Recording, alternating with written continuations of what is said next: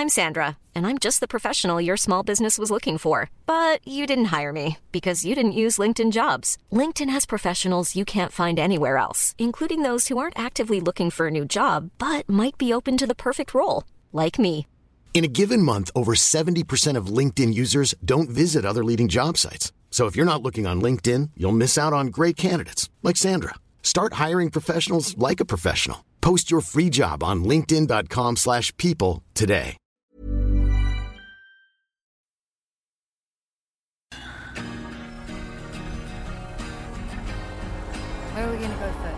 Want to see that crocodile place. Sounds good to me.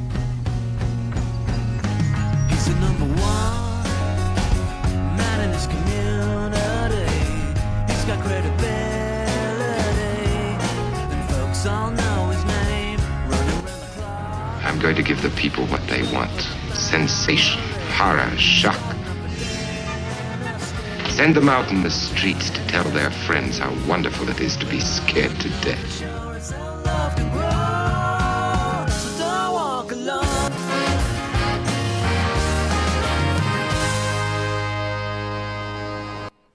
Välkommen till skräckfilmscirkeln och idag ska vi ge oss av till Down Under, den stora ön Australien, för att gå igenom skräck som erbjuds på den stora ön. Sen eh, klättrar vi i träd och hittar öronen ute i vildmarken samtidigt som en blodtörstig krock gömmer sig i vattnet nedanför. Vi ska se och prata om filmen Blackwater från 2007. Vi är tillbaka till krokodilernas värld. Känns det bra Fredrik? Det känns mycket bra. Krokodiler är lite av ett... Jag gillar ju mordiska djur eller farliga djur överlag. Och eh, när det kommer till just krokodilfilmer så känns det som att den genren är den som är minst larvig. Om man typ jämför dem med hajarna. Som flyger iväg i tornados eller blir mekaniska. Men Eller Hajen 5. eller Hajen 5. Eh, och- Men eh, det, det finns fåniga krokodilfilmer också som typ Krokodilus och jag för mig det finns Mega Shark vs Monster Croc eller allt vad det nu är. Men jag vet inte, det finns ett större utbud av seriösa krokodilfilmer än vad det finns utav seriösa hajfilmer. Men det har kommit några bra hajrullar på senare tid. Men ja, nu, nu är vi tillbaka bland våra bitska krokodiler och det känns bra tycker jag. Ja, det måste ju vara nästan 30 avsnitt och vi pratade om krokodiler sist. Jag tror det var typ eh, avsnitt 7 eller 8. Alltså bland de, ja, bland de första i alla fall. För Ja, de är var- liksom i säsong 1 Ja. utav skräckfilmscirkeln. Exakt, det var Territory vi pratade om då. Jajamän. Också en australiensisk historia. Ja. Det är skitvarmt ute. Det är vansinnigt varmt Ja. ute. Det är helt orimligt. Ja, hur är det med dig i övrigt? Jo men det är ganska bra bortsett från att man sakta men säkert håller på och smälter bort här. Men annars är det helt okej. Ja, det är rena bastun ute nu. Det, man behöver inte gå upp till vinden eller källaren eller vart det nu kan finnas med eller bastu. Det är bara sätta sig på torget typ alltså det där hemska mörkare vattnet fullt med farliga krokodiler. Så finns det den här filmen känns märkligt lockande nu för det känns svalkande. Ja, hellre, hellre bli äten av en krokodil än att sakta smälta bort på inne i stan liksom. Men jag tänkte vi skulle prata om vad vi har sett sen sist. Mhm. Ja, men jag låter dig börja. Det har, inte, det har inte varit mycket alls den här gången. Eh, du var ju med. Eh, för vi gjorde en eh, grej. Eh, biograferna är ju stängda nu på grund av coronan. Men eh, då har man ju öppnat upp så att man kan boka en hel eh, biosalong. Eh, med då max åtta personer kunde man väl vara, har jag för mig. Och så gick vi ihop ett gäng där då, du och jag och några till från majoriteten från just skräckfilmscirkeln. Ja. Och så kollade vi på den osynlige mannen, The Invisible Man. Eh, och jag var genuint underhåll utav den osynlige mannen. Vad tyckte du om? Jo, jag, jag gillade den också. Jag, jag fick ju för mig att det var en, en annan film innan. Nu har jag glömt bort vad den heter. Ehm, men den är, den är från 2018. Eller var det 2019? Nej, den här. är, den är i år. 2020. Ja, från i år till och med. Ja, 2020. Och den var så himla lik en annan film där det var en, en osynlig man och eh, hans eh, tjej. Liksom från tidigare, nå, nå, någonstans på 90-talet. Nu kommer jag inte ihåg vad den heter. Men just Invisible Man var rätt så fräck. Det var lite sci-fi, eh, thriller, skräck blandning där. Men här lyckades där The Mummy inte lyckades. Exakt. Den här var ju liksom The Dark Universe som man skulle göra. Liksom sätta liv i gamla universalmonstren igen. Eh, och de startar ju spektakulärt med en flopp. Med Tom Cruise och, eh, versus en mumie. I, ja, det var ju mer liksom som en superhjälte-actionfilm. Och stenfloppade eh, och så gick ju hela det här Dark Universe i kaputt. Eh, men ändå så gjorde man ju då eh, ja, på mycket mindre skala nu Den osynliga mannen här som är en av de här gamla klassiska universalmonstren. Och allting blev rätt. Gör liksom en intensiv, eller ja lågintensiv får man väl kalla det för det är en ganska slow burn.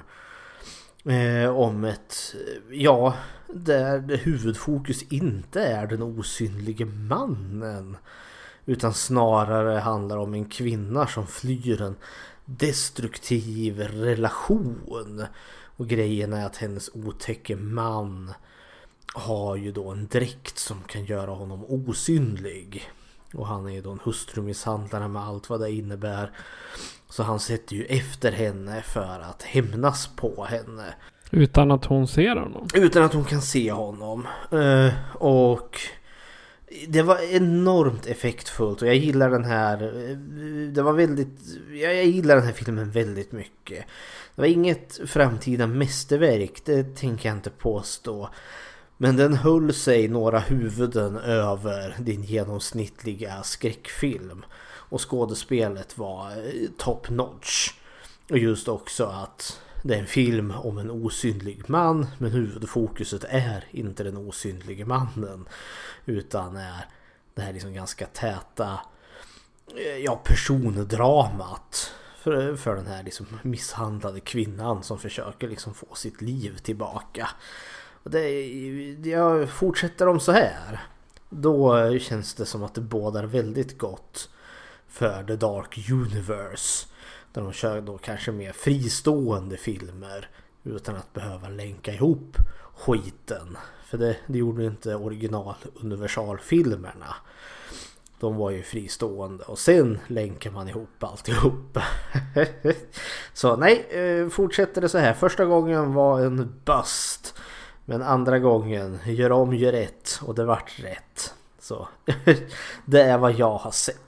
De lärde sig av sitt första misstag alltså. Med största sannolikhet. Ja. Jag däremot har varit parkerad framför tvn. Typ. Kanske. Nej, inte så. Men jag har tittat på mycket. Och jag har åt tittat igen på The Purge-filmerna. Bland annat eh, van, den, den första The Purge och sen The Purge Anarchy. De, eh, det finns inte så mycket att säga. Det är, USA har fått för sig att eh, ja, men eh, en gång om året blir alla brott, inklusive mord, lagliga. För att eh, vi ska få utlopp för våran ilska. Och det ska minska brottsligheten under kommande år. Och visst, det funkar. Men då slutar det ju med istället att folk börjar kitta upp och ladda upp inför nästa The Purge. För att eh, liksom, ja, de ska mörda sin chef eller ta hämnd på en lärare eller ex-flickvän eller bara allmänt råna eller roa sig med att plåga andra människor. Och eh, det är den första The Purge. Och sen i Anarchy då börjar de sätta sig emot de här The New Founding Fathers.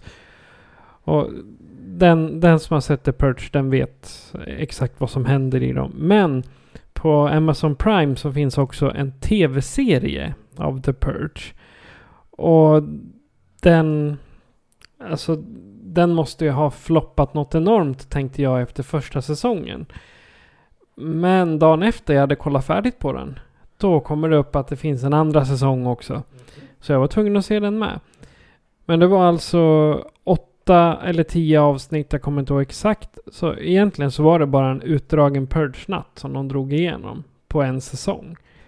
Och det var liksom inte det här att det händer mycket i...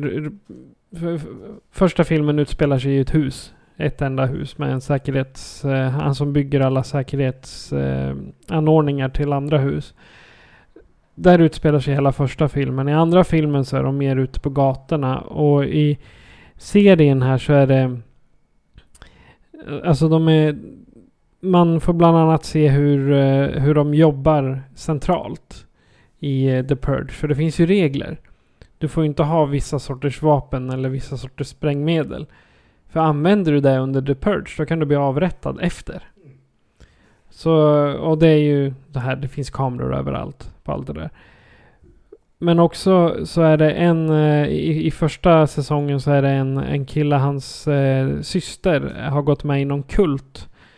Eller sekt eller vad man ska kalla det som vars egentliga motiv för att vara en kult det är att de ska gå ut och dö på Purge-natten. Och det visar sig i, i, i längden att eh, ledaren i kulten som egentligen är socialarbetare hon säljer människorna som hon lockar till sig under ett år. Så säljer hon dem till olika grupperingar för att de ska få göra vad de vill. Kära nån, det är lite Ja. hostel-vibbar. Ja, exakt. Det är ju det är för att rika människor vill inte ge sig ut på gatorna. För då riskerar de ju själva att bli dödade. Utan här så då köper de helt enkelt människor och sätter hemma i sin fina villa och sen roar sig med. Men jag förstår, jag har bara sett eh, första filmen The Purge. Jag har inte sett de andra och jag har inte sett tv-serien heller. Men jag har ju förstått att The Purge har liksom gått och blivit någon form av så här klasskritik. Ja, Och det, och det fanns väl redan i första kom, som jag kommer ihåg det just som du sa, de, den utspelar sig ju i ett hem. Mannen som har utvecklat något form av så skyddssystem så du kan låsa in ditt hem. Och så dyker det upp en gäng ungdomar och ska mörda dem. Och jag får mig just att de säger, ja men sånt här händer ju inte här. För de Nej. bor ju i ett rikt och fint område. Kan inte gå ner i de där fattiga områdena och mörda folk. Eh, Så eh, det finns ju liksom någon form av samhällskritik där. För jag kommer ihåg när första Purge-filmen kom. Att det vart sån snackis kring den. ja, Och liksom, oh men den här tanken den är ju så... Eh, Jag visste liksom, man börjar liksom gå på den här logiken i filmen. Att ja men... Är det här vettigt eller är det inte vettigt? Och ja, det, det är självklart att det är fullständigt vansinne. för, för i serien så är det ju... Det här funkar ju. Amerika går ju jättebra. ja. Eh, Efter att man införde The Purge. Eh, För att under 12 timmar en gång per år så blir alla brott tillåtna. Och vilket gör då att du har inga mord och inga våldsbrott under de övriga 364 dagarna om året. Och det är ju helt jäkla orimligt. Finns det inga människor som är psykiskt instabila? Har vi inga som får någon psykos? Eh, Har vi ingen som... Jag vet liksom allt det som kan hända däremellan. Har vi ingen droghandel? Har vi liksom... Nej. ja det, det finns. Men Mm. det, är- det, det är mindre mot vad det var innan man hade en Purge-kväll. Så. Men jag har ju bara sett första filmen där. Jag kan ju tänka mig att de övriga filmerna broderar ut. Och jag har ju för mig, jag har sett någon annan recension som då liksom börjar punktera liksom att ja, men det här med The Purge det har ju inte funkat så väl utan att det är ju verkligen någon plott från den absolut rikaste att hålla eh, befolkningen i, chock, i, i, i schack. Ja, men det är också... Det, det kommer upp i andra filmen, The Purge Anarchy. Att de rika kan låsa in sig. Mm.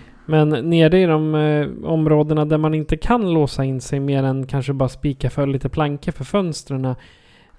Där så rensar de ju ut varandra. Och då, det är ju population control, alltså de kontrollerar befolkningsmängden så. Och utan att behöva lyfta ett finger för de, de tar koll på varandra helt enkelt. Så. Men det är också, bryter du mot purge-reglerna, ja, Då åker du på det när Purge är slut. Så Ah, typ någon timme efter, eh, det blir ju klockan sju, mellan sju och åtta morgonen efter. Ja, då säger det pang så är du död. kära någon. Ja. Hipp. Och i säsong två av The Purge, då får man se vad som händer efter en Purge-natt. Oh, ja för det låter ju intressant för liksom hur... Som i, som i första filmen där när grannarna försöker mörda sina grannar. Och så blir det ju inte så utan istället håller de liksom, tvingar de ju kvar dem eh, under pistolhot. Och så får väntar de ju ut tiden. Ja. Tills som är att liksom the purge tar slut. Hur, hur, le, hur lever man liksom? Nu ska, vi vet att grannarna här försökte mörda oss och nu ska vi leva ett helt år sida vid sida med varandra. ja. Nej, det här är alltså, då menar jag bokstavligt talat dagen efter. Dagen, då är ja, det okej. all, allt ifrån eh, städ, ja, städ. Eh, de har alltså speciella städfirmor som åker runt och städar upp och tar ner liken i påsar och sen åker stan och, och samlar ihop liken. Och så bränner de dem och så kommer det hem en presentlåda till eh, släktingarna. Men det är bara första avsnittet på säsong Ja, ja, två. ja. Och den är, den är relativt ny så jag tänker inte spoila mycket mer. Jag har redan sett färdigt den. Så jag, jag tänker inte spoila så mycket mer Men om jag så. förstod det rätt. Du sa efter första säsongen att du kände att det här måste ha varit en flopp. Så du var inte så imponerad av första Nej. säsongen. Nej. Men nu när du har sett klart säsong två då utan att spoila. Eh, är det, var, var det lika dåligt eller hade de förbättrat sig? De hade inte förbättrat sig men jag tror att de skulle ha släppt säsong 1 och 2 samtidigt. Ah, För när man har sett säsong 2 då förstår man allt som händer i säsong 1. Jaha okej. Så säsong 2 är typ en prequel till säsong 1. Om man ska ge typ ish så. Se där. Ja. Nej men det är vad jag har sett. Mhm. Du, idag så är det tema Australien då. Australien Ja. ja. Och du har eh, hyfsad koll på film ifrån Australien. Ja, mest håller på och sparkar på mig själv för att Eh, jag har skapat sådana krångliga ämnen för mig här för flera år sedan. När jag beslutade att vi skulle ha Austra- skräckfilm från Australien. Eh, Men ja, nu sitter jag här och har våndats lite för jag har för mig att förra gången så var det lite mer enkelt att prata om den här sanna berättelsen som den här filmen är baserad på. Men det, det är inte så mycket att snacka om för det är en ganska kort historia. Som jag kan ta här nu. Så nu, nu har jag försökt gjort något litet tvärsnitt om då Australien eh, och sen Australiens filmer eller deras filmhistoria. Kan vi nämna lite, eh, lite vad heter det, skådespelare och eh, ja och sen eh, just eh, ja, några sevärda filmer från då just eh, Australien. Skräckfilmer då framför allt. Låter som en bra idé. Visst gör det. Eh, nu ska vi se här. Eh, Australien det är ju verkligen för oss down under. Eh, rent historiemässigt så tror man väl att det har funnits människor där i mellan 42 till 48 000 år. Så Australien liksom varit befolkad utav människor under väldigt lång tid. Och bland dem är väl då liksom urinvånarna aboriginerna.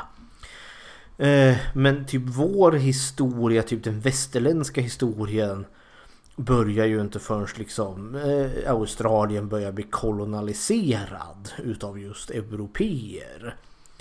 Och den första europé som nådde Australien det var en nederländsk upptäckare som hette då Wilhelm Jas, ja, Janszoon.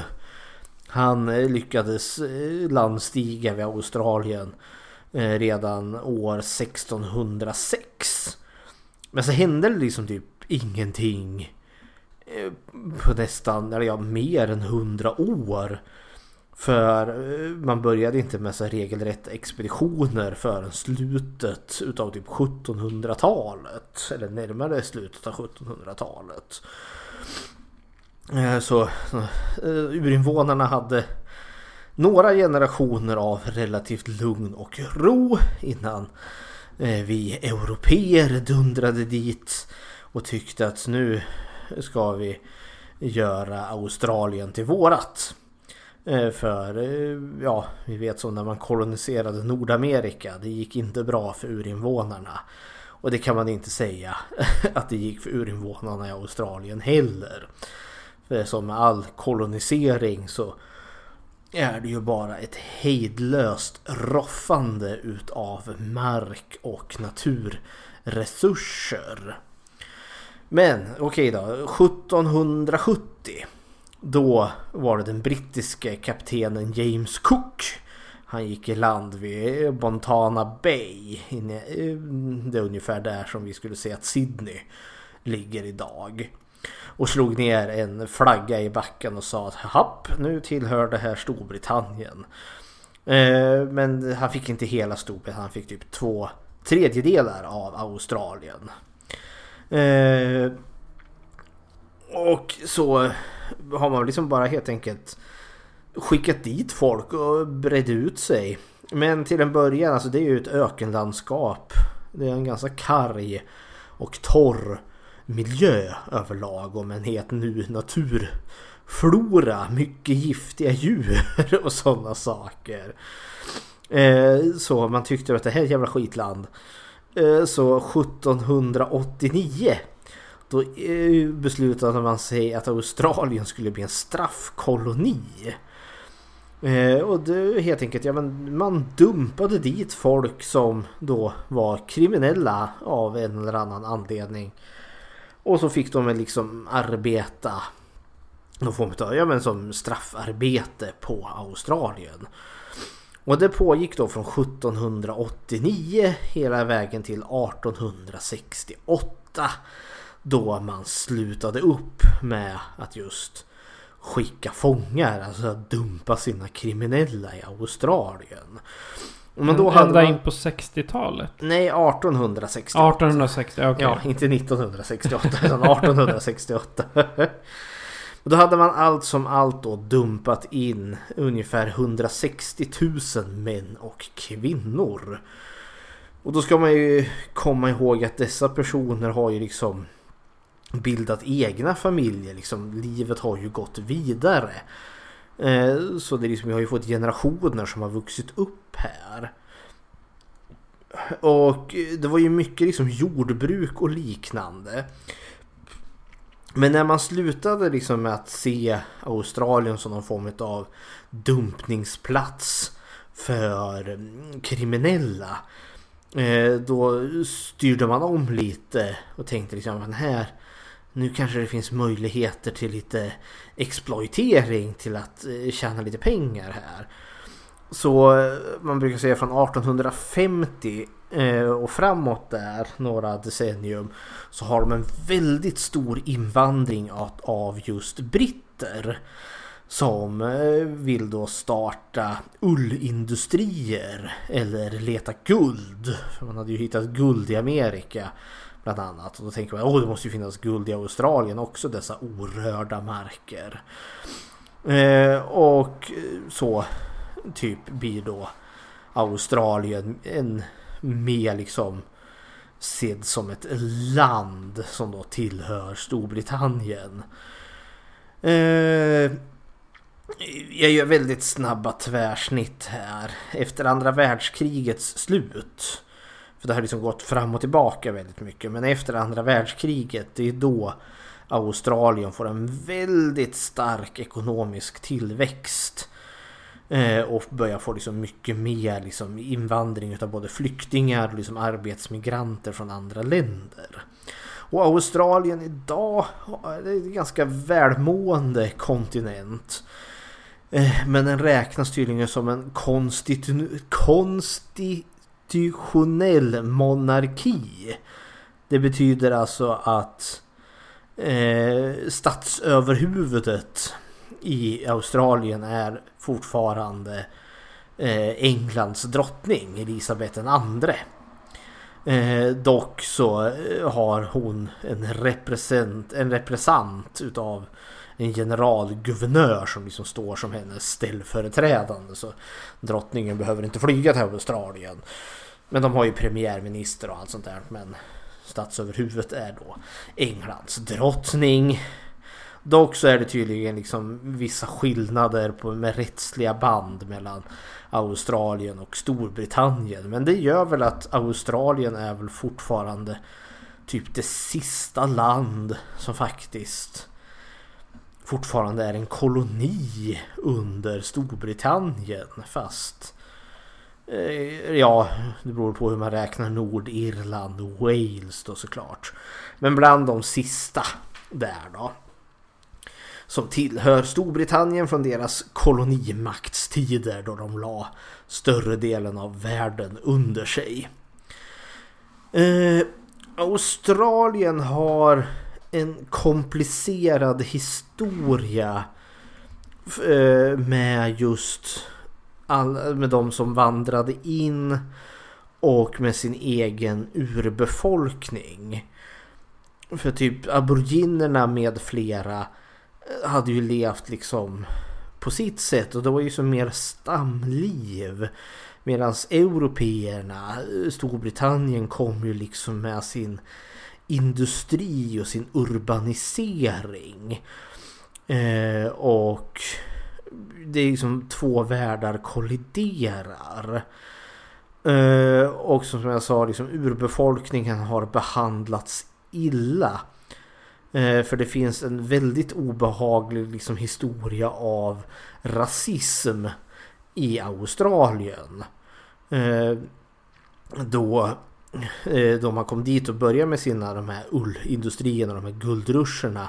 Du behöver ju bland annat liksom folk som arbetar och då kan man ju tänka sig, ja men slavar blir ju, eh, kommer ju oss nära till hands. Men mycket var ju liksom Alltså folk som liksom tog över, alltså kom dit och arbetade själva. Det var inte så att man liksom piskade dit aboriginerna. Eh, men eh, man, man gjorde väldigt mycket dumt mot de här aboriginerna också. För man istället liksom kanske för att förslava dem regelrätt som man gjorde med afrikaner som man sålde till Amerika så försökte man liksom förstöra den aboriginska kulturen. Eh, och då, eh, nu ska vi se, mellan 1905 och 1967. Det är därför jag inte riktigt nämner det här som slaveri. För liksom 1905 då hade man liksom i Amerika avskaffat slaveriet. Det skedde ju med inbördeskriget. Redan 1860 där någonstans. Eh, jag tror nog mycket väl att man kanske hade slav... Eh, vad heter det? Arbetskraft i Australien också. Men jag kunde inte hitta särdeles mycket. Men man gjorde ett annat obehagligt eh, experiment som brukar kallas för den stulna generationen. Eh, och då var det något man hade fått för sig att du, vi ska få bort den här mörka eh, hudfärgen. Aboriginernas kultur skulle ju bort. Men inte bara det utan den mörka hudfärgen skulle bort. Eh, och att ta bort en kultur, ja men det var ju liksom att splittra de här byarna stammarna som man bodde i och liksom förbjuda deras sädvanor, tvingar dem att ni måste ha kläder på er, ni får inte gå i, i bastkjol eller eh, vad som var deras. De måste lära sig engelska, de får inte tala sitt eget språk och sådana saker. Eh, nu var det ju som så att eh, folk har ju liksom umgåtts lite med varandra eh, och man har fått barn med varandra. Och då har man ju liksom, ja en ljus person får barn med en mörk person. Då kan ju de barnen bli lite ljusare i hyn. Och då fick man en finurlig idé tyckte man att går det på så sätt att med hjälp av avel från generation till generation liksom ljusa ut huden, huden så pass att man liksom framtida generationer kommer liksom vara enkommet vita. Eh, så det börjar man liksom finurla ut. Eh, och då var det, det, är liksom... ju som man blir spyfärdig. Ja, Bara, men alltså- alltså bara tanken av det. Ja, och då är det ju då liksom påtvingat liksom sam... Eller påtvingat... Jo, men- jo men det är påtvingat. Staten liksom vill att liksom, ni måste bli ihop eller ni skaffar barn med varandra. Och så fanns det väl kanske då lite skattelättnader och sånt att få. Men så fanns det ju också ett sätt att göra det här då. Det var ju då att man tog barnen från eh, aboriginska familjer, från stammarna. För man måste ju också lära sig det brittiska språket och sedvänjor. Du måste ju få rätt kultur, du måste få rätt historia och rätt religion. Så man helt regelrätt kidnappade barn. Fast nu var det ju här med regeringens goda samvete. Så man kidnappade barn eh, och körde dem till stora läger som man hade byggt upp. Som i regel då var styrda utav kyrkan. Med präster och munkar och nunnor.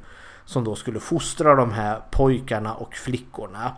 Och där skulle de här också bedömas utifrån vad vi skulle kalla typ rasbiologi. Man mätte skallar och allt sånt där. Utifrån vem som var då mest, liksom mest lik en vit europé. Eh, och då eh, var liksom, ja men det här, här finns det möjlighet att vi kan kanske avla fram en vit människa om några generationer. Medan de som hade för dåliga anlag, nej, eh, de får liksom de får inte fortplanta sig. De får inte få några barn, det är viktigt. Men de kan däremot fylla en funktion. Exempelvis som att män ska arbeta på fält och kvinnor ska då fungera som tjänstefolk. Eh, eh, och det här höll man ju på då i hela hisnande ja, från 1905 till 1967. Eh, och det är ju en jättelång period. Eh, och som sagt, det här kallas då för den stulna generationen. Eh, och detta är idag har ju man gjort avbön på det här. Men det är fortfarande så tidigt. Eller så nära in på vår egen tid så att det här är ju fortfarande liksom ett, ett sår i den australiensiska historien. Men jag tyckte att det var värt att nämna framförallt nu i dessa Black Lives Matter tid. Eh, så alltid att komma ihåg att liksom, ja men hudfärg kan tydligen få helt orimliga proportioner så att man kan göra sådana här helt omänskliga och osmakliga eh, experiment som man knappt tror är sant. Men som man där och då antagligen inte såg något större problem med. Ja, nej, det är stycke trist historia. Men det är då Australien i enormt korta drag. Eh, Ja, tankar på det. Nej, alltså det, jag känner ju till historien om eh, att det är fångkoloni och Mm. allt sånt. Men att eh, just Storbritannien hade sin egen lilla Hitler där på Australien. det, är, det är ganska hemskt att se. Ja, det var han, vad hette han nu? Någonting, någonting Neville hette Ja. han. För det var att han han kom att kallas för, eh, han, han, skulle ju kallas för Mr Neville. Men han kom att kallas för Mr Devil. Utav Aborigin bara för det finns ju mycket så här dokumenterat från de här barnen som växte upp på de här lä- Good day to you, you penny pinching old pig. Hepp! Plötsligt överbelastades alltihopa tydligen. Ja. Jag tycker att vi ska samla in Swish-donationer så att jag kan köpa en ny dator med lite mera processorkraft. Vincent Price får komma in här och svära Mm. lite åt, våra, åt din dåliga processor här. Ja. Ja. Jag, tror, jag tror de är nästan häpnade över Mr Devil där. Ja. ja. Sak samma. Eh, stycke tråkig historia Australiens eh, ja, Mr Devil. Mr Devil där. Eh, och skogen med honom. Jag tänkte att då kan vi väl lämna liksom deras eh, historia och så går lite in på ren just film. Filmutvecklingen i Australien. Det är betydligt mycket trevligare än att höra om etnisk rensning. Ja, helt klart. Men eh, Australiens filmhistoria är plottrig. Eh, och eh, det är väldigt mycket upp och ner i dem. För det börjar jättestarkt och sen faller det så pass att de nästan glöms bort. Och sen kommer de tillbaka starkt igen. Och en av anledningarna för att det är så plottrigt är för att liksom till skillnad som, som säger här i Sverige här har vi ju typ svensk filmindustri. Alltså staten har funnits med och liksom sett vikt av att Sverige kan göra film för det är en del av vårt kulturarv och allt sånt där. I Australien fick man inget sånt förrän väldigt långt senare i deras historia. Eh, vilket gjort att de filmer som har liksom Australien ändå har producerat har ju varit på grund av att det har varit liksom privata personer som har gjort liksom egna små filmbolag. Eh, och ibland har det ju varit lyckat men sen har det gått dåligt och man har gått i konkurs. Och så har det kommit något nytt och så har det liksom gått upp och ner och upp och ner på det sättet. Så det, liksom, det finns liksom ingen röd tråd i den australiensiska filmutvecklingen som är lätt att följa för det är liksom uppgång och fall hela vägen. Men vi, vi, vi går väl lite... Jag, ska, jag gör ett snabbt överdrag här. Eh, och Australien börjar relativt snabbt. Alltså de är skitsnabbt på bollen. Man brukar snacka om pi pionjärdagarna. Då eh, redan 1890. Alltså bröderna Lumière. När de liksom eh, kläcker filmkameran så att säga. Liksom börjar kunna effektivt göra, göra film. Eh, så är Australien jättesnabba eh, med att eh, liksom börja producera film. Och i Melbourne där bildas då faktiskt inte den första, eller inte den första men bland de första filmstudios. Som då heter då The Limelight The, The Department. Och den då grundades 1897 utav Frälsningsarmén, hör och häpna. Jag kan tänka mig, det är typ, eh, då, då får jag upp som, här i Sverige har vi ju Myrorna som Mm. drivs av Frälsningsarmén. Jajamän. Med deras filmbolag. Skalbaggarna. Ja. Nej, men grejen alltså, för det, det var ju då, de, de var snabba på bollen och det är ju då såklart religiösa små filmer. De liksom filmar stycken från Bibeln och eh, lite religiös eh, propaganda och reklam. och det gör de ganska effektfullt mellan 1897 till 1910. Då, eh, då det liksom tar slut för dem. Eh, Men sen 1910 till 1920 då finns det en era som kallas tydligen för the boom and bust. Och the boom då, det, det, det är att Australien får en filmboom. Och busten, ja det är när allt går åt skogen. Boom! Och sen bust. jo, busted. Sucker. Men det var ju det att eh, mellan perioden 1906 till 1928 levererade Australien 150 då enskilda liksom filmtitlar. Varav nästan eh, 90 av dem blev gjorda mellan 1910 till 1912. Och då, då, ska man inte, då, då är det inte Frälsningsarmén som har gjort allihop utan det är andra bolag som har ploppat upp här då. Så eh, Australien är, producerar en uppsjö filmer Alltså i stumfilmseran liksom då Hollywood knappt har liksom kommit på banan. Eh, så det bara skjuts ut filmer från Australien som då antagligen skickas väldigt land och rike runt. Eh, men så kommer då början till fallet. Eh, för en av deras tidigare, eller det som brukar räknas bland de första långfilmerna. Det är de filmer som heter The Story of the Kelly Gang.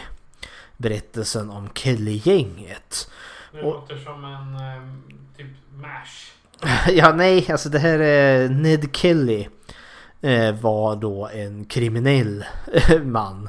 Vilket det fanns gott om eftersom att man hade importerat dem under nästan hundra år. och Ned Kelly, han är en sån där figur. Som figurerar ungefär lite som, ja typ Billy the Kid eller Bröderna Dalton. Typ så här västenskurk. Fast då i, i Australien och gjorde sig ett namn. För han var känd för han hade en stor liksom typ riddarrustning på sig vilket gjorde att han var skottsäker. Och så rånade han diligenser och tåg och betedde sig. Och då gjorde man då en, en film om han och hans gäng. Och det är bland de första långfilmer eh, gjorda 1906. Men då 1912 då eh, kom det liksom en sorts statligt förbud mot att göra något som kallas för Bush Ranger-filmer. Och vad menas då med Bush, Bush Ranger? Ja, det var då precis vad Ned Kelly var. Han var så kallad Bush Ranger. Det var Du fick inte göra filmer om skurkar. Nej, eh, för man tyckte att det var liksom att förhärliga eh, bovarna här. Och det var en sedvänja man ville få bort. Eh, och de här var ju då ganska populära att göra för det var liksom action och den, kostade inte så mycket att göra heller. Men sen var det ju också där att eh, nu hade ju Hollywood kommit till. Eh, och eh, man började liksom, de började i sin tur exportera alla sina filmer. Eh, och eh, de här inhemska små filmföretagen kunde liksom inte konkurrera mot vad liksom då eh, framgångsrika Hollywood kunde producera. Så 1923 eh, då eh, bestod 94% utav alla filmer som visades ja, på bio då i Australien utav amerikanska filmer. Så 94% var amerikanska filmer och övriga 6% var då australiensiska filmer. Så det fanns ingen marknad direkt. Eh, 1930 till 1960 det är en ganska dålig period överlag för den australiensiska filmindustrin. Det- kom ett litet, litet, litet ryck, en liten stöt från defibrillatorn där att sätta lite liv i liket här. Det var att 1927 då kom då The Cinematographic Film Act. Eh, vilket då var då att eh, den brittiska filmindustrin, Storbritannien här. Eh, jag tänkte säga att drottningen har sagt att men de hade kung då. Det var väl George den någonting någonting. Andra, sjunde, elfte, 140, elva. Titta, titta på The Crown. The På Crown. Netflix. Där finns historien. Det var den stammande kungen, eller det måste ha varit den stammande kungens pappa. Sak samma, någon jäkla kung i Storbritannien där tyckte att nu jäklar i havet. Vi måste ju visa brittiska filmer och att den brittiska filmindustrin måste stimuleras. Och då hör det ju till att Australien är ju en del av Storbritannien. För det är ju en stor, alltså det är ju en koloni. Så då får du en liten boost här ute för det, det finns lite eh, statligt bidrag att söka här från, eh, från Storbritannien. Men det varar inte, det varar bara i 11 år. För det här drog man igång eh, 27 men 38 där, ja då var man tvungen att göra en liten klausul här. Då kom man då fram till att nej vi vill nog kanske mest ha filmer från just Storbritannien. Måste vi ha kolonierna? Alltså det, det jag, jag vill se London Bridge och eh, se Haggis och sånt som jag känner igen. Men nej, kängurus det tycker vi inte om. och koalabjörnar, nej det är obehagligt. Så eh, man kommer fram till att nah, det är nog kanske mest innanför den storbritanniska lilla ön där. Det, där får du. Det, vi kör på det. Och så skiter vi i kolonierna. Eh, det leder till att, alltså, jag menar det finns ju skådespelare och självklart finns det liksom filmer men det är liksom inga som utmärker sig. Det som utmärker sig är väl liksom att de som blir framgångsrika skådespelare flyttar ju ifrån Australien. Exempelvis Errol Flynn är ju liksom i grund och botten australiensare. Så när han väl får en framgångsrik karriär flyttar till USA. Och så han liksom kan börja sin karriär på riktigt. George Lazenby, kanske mest känd som eh, mannen som spelade eh, James Bond efter Sean Connery gjorde det. Var också då eh, född i Australien. Men annars, nej. Eh, det finns ju diverse olika titlar här och där. Men sen förstår du kommer den stora filmrenässansen. Yay! Och den kommer då 1970 om man räknar liksom till hela 1970 till 1980. Då händer det grejer förstår du. Och en utav dem som då är väldigt avgörande det är då att premiärministern över Australien, John Gorton, han kommer ju fram till att vi kanske ska ha någon form av statligt filmindustri. Vi kanske ska satsa på det här med film som nästan alla andra länder verkar göra. Så 1968 då eh, kickar han då, liksom, då skapar han liksom en, då skapar han då en eh, australiensisk liksom film, statlig filmindustri. Eh, så att man då kan få göra, söka statligt stöd och få göra film. Så nu behöver du inte längre förlita dig på liksom små studiobolag.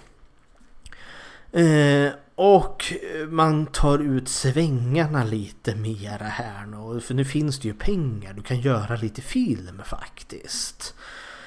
Och då, och då blir det nästan som ett... Eh, det kommer att kallas för Osploitation. Exploitering utav... Eh, vad heter det? Eh, Australien. Eh, och det är filmer då som de har verkligen tagit tillvara på just det här ökenlandskapet. Eh, och kanske lite, lite, lite mer roare. Jag menar 70-talet då har du ju din exploitation-era överlag. Italien och USA. Gör, det görs lite mer trashiga filmer överlag. Medan i Australien gör du det med statligt bidrag.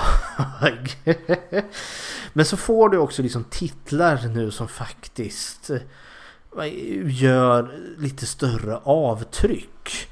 Och då är det som film som Picnic at Hanging Rock. Eh, lite mer udda titlar som The Cars That Ate Paris. Bilarna. Car, cars? Ja, bilarna som åt upp Paris.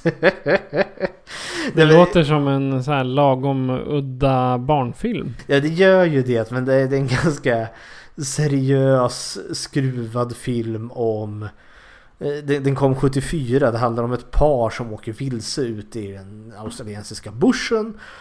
Deras bil går sönder och så hittar de ett litet sällskap, ett liten stad då som heter Paris. Eh, och tänker att vi kan få vår bil reparerad. Och de är så trevliga och tillmötesgående sådär. Men sen, bilen blir ju aldrig klar. Varje gång varför, och det visar sig att den, de har ju typ hamnat med en kult. Det är ju en sekt som har startat den här staden. Så de är fångade i den här staden. Men parallellt så har väl liksom ungdomarna i staden tröttnat. För det är tydligen generationer utav galenskap som har hållit på i den här staden Paris. Och ett gäng ungdomar har tröttnat och liksom rymt och bildat sitt eget lilla eh, ja, community. Och då har de gjort det med att de har byggt om sina bilar. Så de har liksom typ satt stora spikar på sina bilar. Och så åker de in med jämna mellanrum och bara terroriserar eh, befolkningen. Hello Mad Max. ja. och eh, det slutar ju då liksom i och med att eh, en stor liksom, ja men det, bilarna som åt upp Paris det slutar ju med en gigantisk showdown när de åker in och så jämnar de ju Paris med backen där. Eh, gjordes en film som heter Wake in Fright, eh, gjorde en film som heter Walkabout. Eh, gjordes en krigsfilm, Gallipoli, eh, 81 med Mel Gibson i en av huvudrollerna där. Oh, stora namn. Ja, eh, som fick då väldigt stor framgång. Eh, men så, eh, 1979 kom det ju kanske den största filmen som fick då ett stort genombrott. Rent kommersiellt kanske och du nämnde ju den redan. Och det är då Mad Max. Tokiga Max där. Och det är väl kanske inte just första filmen från 79 utan uppföljaren The Road Warrior från 81, 82 eller något sånt där. Det är väl den som slår hårt. Eh, men eh, det, det gör ju liksom att blickarna underhållningsmässigt riktas mot Australien. Australien levererar film som, som är liksom kommersiellt eh, genomförbara. Eh, alltså internationellt. Eh, och det gjordes liksom filmer som eh, A Cry in the Dark. Har du hört talas om uttrycket A dingo ate my baby? En dingo åt upp min bebis. Jag har hört det men jag har inte kunnat koppla det. Alltså det är ju ett, ett stort... Eh, Eh, det var en mordrättegång där då. Där kvinnan, mamman, eh, då hävdade att eh, hon hade lämnat sitt barn där. Vid förstukvisten så hade så en dingohund tagit den. Och det var hennes försvar då. Dingo ate my baby. Och det var väl att ingen trodde henne. Och så visade det sig att det var ju faktiskt så. Det var ju en dingohund som hade tagit hennes barn. Men de trodde att det var hon som hade tagit Ja. liv av ungen alltså. Och sen skylt då på att det var en gäng dingos. Och sen, sen kom det väl frågan om hon hade varit, eh, vad heter det, slarvig. Liksom inte hade haft uppsikt. Men jag sak samma, det varit en stor sak. Så 88 gjordes det ju då en film då som heter Cry in the Dark. Filmatiseringen om just detta. Och det är inte en australiensisk film, men det är en, det är en Hollywoodfilm om en australiensisk berättelse. Och sen 89 kom ju då Bangkok Hilton för den som såg den tv-serien.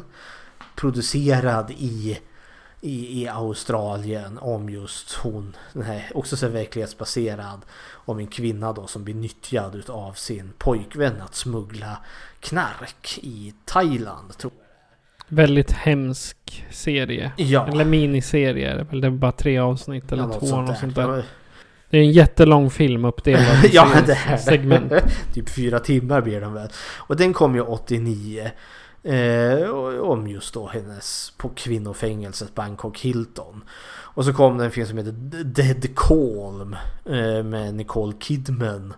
Som också var australiensisk.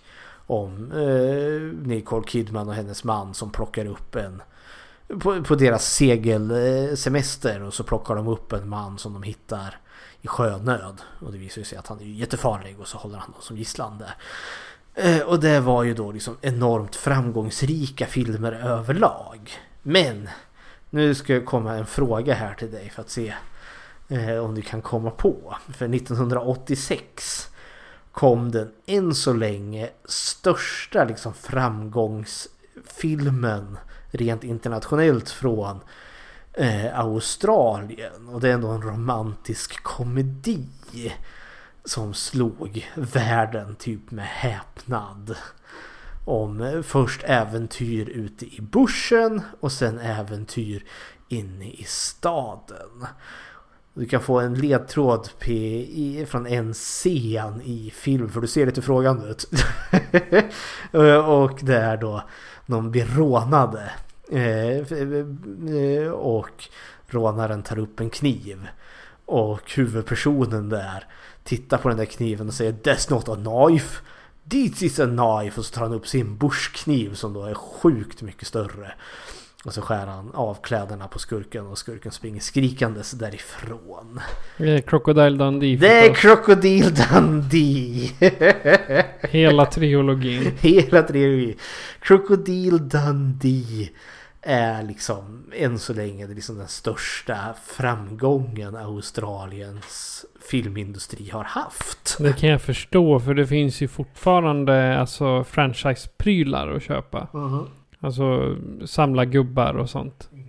Det som jag tycker är kul med Crocodile Dundee det var att den kommer jag ihåg. Det är bara mina första så här, filmer som jag såg. För vi såg den i lågstadiet. Mm. Vi fick ha typ roliga timmen.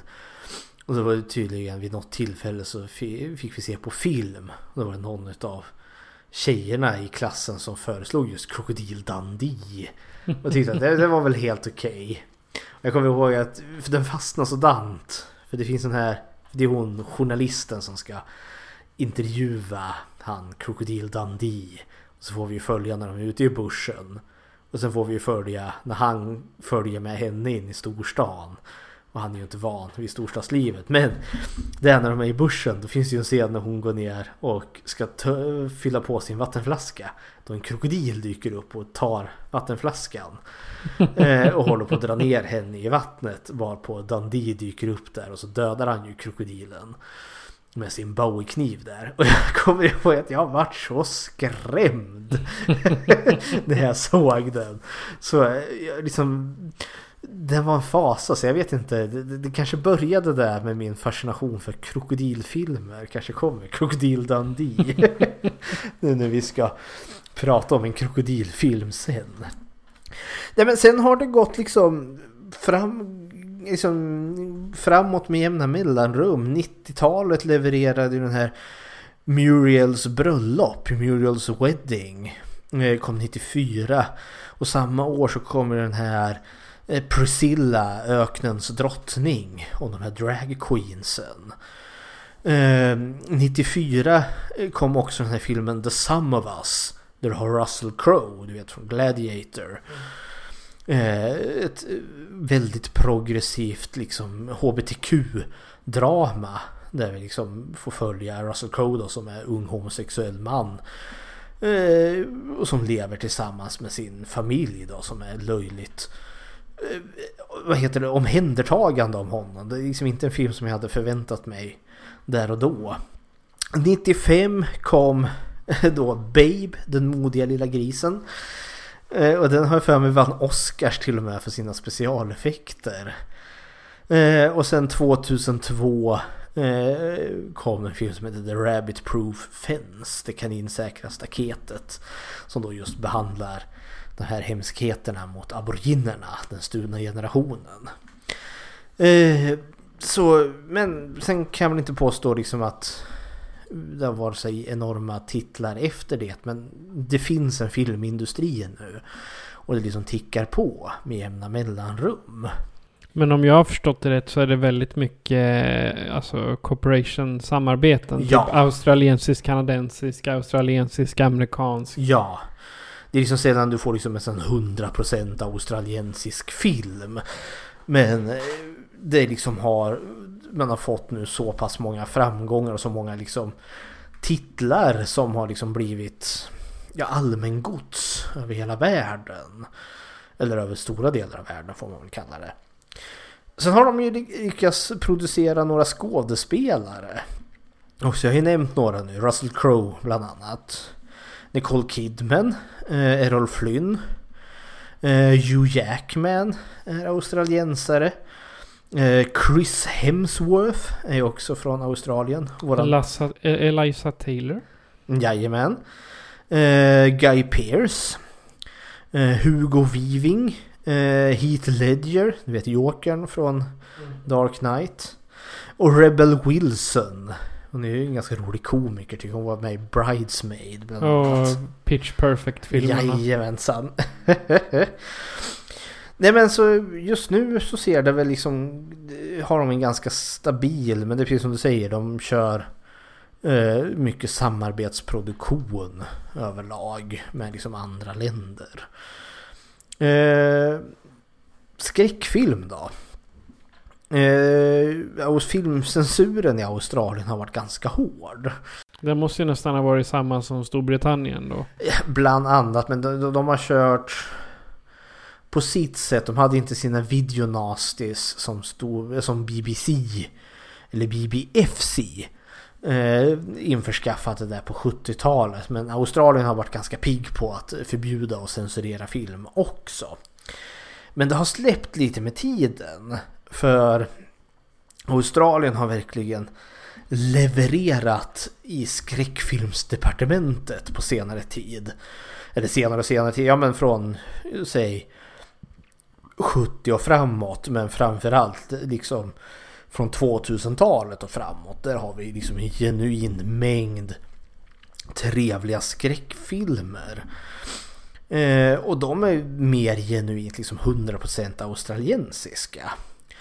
Jag ska, jag ska nämna mina tips för dig som känner att jag vill djupdyka i australiensisk skräckfilm. Så ska du få mina tips här. Du får hojta till Patrik om du känner igen någon.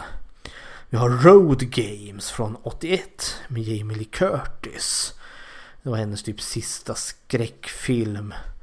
Eh, innan hon gick och gjorde annan karriär innan hon återvände till att göra skräckfilmer på slutet på Mhm. 90-talet. Där.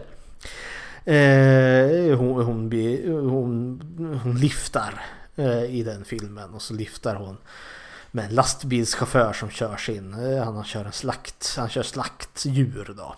Men han är ju seriemördare så han, Ja, såklart. han, det är inte bara grisar som hänger i den där lastbilen. Men så lyckas hon fly från honom och så jagar han efter henne. Den eviga Final Girlen. Ja, typ sådär. Och så har du Next of Kin eh, från 82. Det här är en liten doldis. Den finns ganska nyligen, en Blu-ray eh, release. En kultfilm som sagt. Fansen har hållit den vid liv. Mm. Nej, den har jag missat. Nej, det handlar om en, alltså den tidig australiensisk slasher. Jo, ja, det, är, eh, det handlar om ett arv. Någon rik gammal släkting går och dör och så kommer släkten till den stora gården och blänger ilsket på varandra. Och sen... Jag vill ha mest Jag vill ha mest. Och sen eh, dör de en efter en av en eh, mystisk mördare som lurar i skuggorna.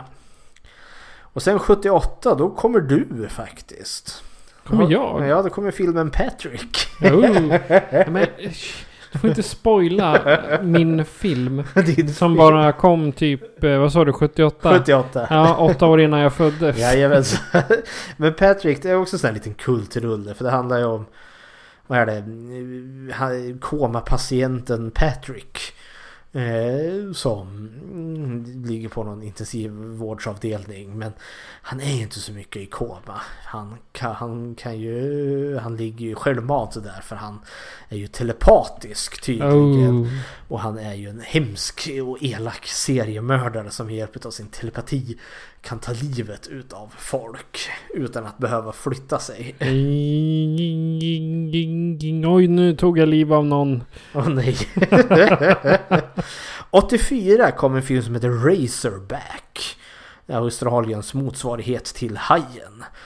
Då är det ett jättestort vildsvin som nuffar omkring på eh, landsbygden där och gör slut på folk till höger och till vänster. Det är klart, de har ju inte så jättemycket hav runt omkring sig. Nej, det har de ju inte. Eller ja, de har mycket hav runt omkring sig. Ja, jo det har de, men inte inte, inhemskt. på, inte på landsbygden. eh, ska vi se. Eh, 2005. Nu snackar vi väl kanske lite mer det som kickar igång. Mm, vad jag tycker är liksom den moderna eh, skräckfilmboomen. Det är ju Wolf Creek. Morden i Wolf Creek. Känner du till? Har han fladdrat förbi? Ja, jag har sett den men det var väldigt länge sedan. löjligt löst baserad på någon sann berättelse om ja, eh, någon seriemördare som fanns där om en gäng kids som är ute och turistar i bushen och så plo- får de blir de guidade utav en man och han är ju helt sjuk i huvudet och så jagar han ju dem för skojs skull. Eh, samma regissör gjorde 2007 Territory. Krokodilfilmen som vi såg. Eh, För sen- typ 30 avsnitt sen. Ja, för 30 avsnitt sen. Eh, Sen 2008, mitt i, eh, vad heter det, found footage-boomen. Du som är found footage-entusiast. Mhm. Kommer filmen Lake Mungo. Den har gått mig förbi. Ja, den är väldigt sevärd. Det är väldigt många film, skräckfilmsnördar som tycker att det här är lite stråt vassare än de flesta. En riktigt så slow burn och handlar om förlusten. Eh, någon familjemedlem har gått och dött och sen tittar de igenom sina gamla videoband. Men så står det någonting i bakgrunden. Oj oj oj, här är spöken. Och så kickade igång en liten berättelse där. Väl värd att jaga rätt på. Sen The Loved Ones eh, från 2009. Eh, ett kidnappningsdrama om en sinnessjuk brud och hennes sinnessjuka far. Hon ska ha hon ska, ha, hon ska bli prom queen. Hon ska ha sin prom date. Grejen är bara det att eh, hennes prom king är inte riktigt med på spåret utan hon har hittat en snygg kille. Och så kidnappar de ju honom. Och sen ja, men, skär man lite i honom så att han blir, som kan eh, få honom att bli den perfekta eh, ja, dejten. Hon, hon, ju, hon och han, hon och hennes pappa är mest bara sjuka sadister. som har sin väldigt uppfuckade variant av en prom. Ja, ja. Sen 2011 kom det också en väldigt bra eh, found footage-film som var så in, hade en internet-release. Jag tror den finns liksom gratis på nätet för den som vill. Men det var tanken då. Den heter The Tunnel. Eh, Tunneln. Ja, som handlar om vattenbristen i just Sydney. Eh, och så får vi följa då ett dokumentärteam. Det går liksom rykten om att det finns jättestora vattenreservoarer under, eh, ja, under Sydney där då. Och ska ner och se om det stämmer eller inte. Och så kommer de ner i tunnlarna där så möter de hemlösa som varnar dem att men gud dit får du inte gå. Det är ett jättefarligt område. Men säger liksom inte varför. Och ändå så går de ju dit och så visar det sig att något bor ju där. Eh, och de hemlösa som finns där har liksom vett att hålla sig därifrån. För det som bor där är inte vänligt sinnat. Men den var också så här, den var väldigt effektfull och sparsam med sitt monster. Så det var väldigt mycket så, oh det finns någonting, jag ser någonting i hörnet och jag blir liksom sjukt klaustrofobisk och skrajsen när de springer de där mörka tunnlarna. Men det är inte så du får se monstret. Det, det första som händer. Nej liksom. gud nej. Det tar, man får se monstret i slutändan. Men Mm. Men det, det är inte så att det är efter fem minuter bu, hoppar Nej. monster ut så att de vet, så de vet vad de blir jagade nej av. gud nej. Det tar ungefär, inte vet jag, en 50 minuter innan vi får se alltså monstret. Vi får se så mycket av monstret att vi faktiskt kan förstå vad det är. Det är väldigt mycket liksom. Jag såg någonting i bakgrunden. Något bara fladdrar förbi i hundra knyck. Men det är så en uh, found footage ska vara. Du, du ska liksom inte få svaret förrän precis i slutet.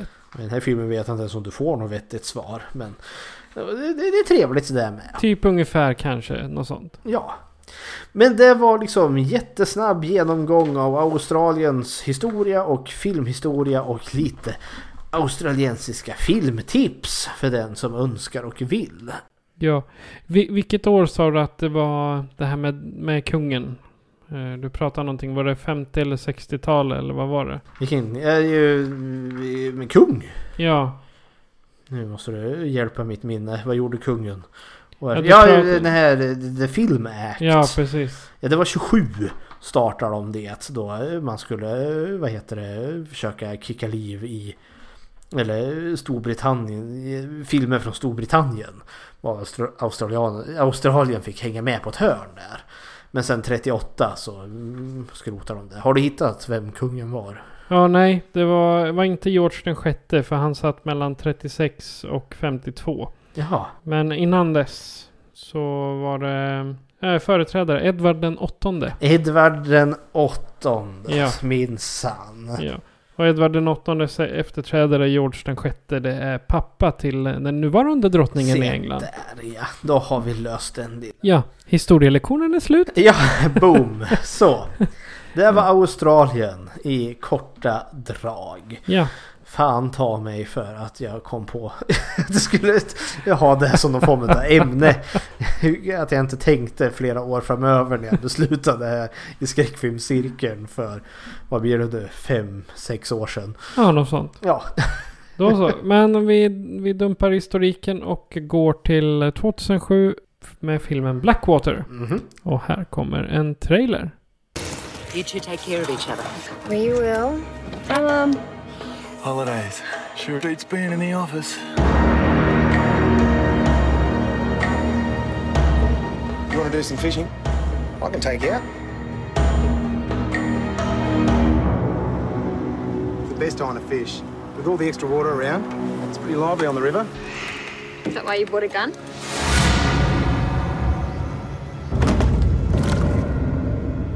What was that? Still here. No one can hear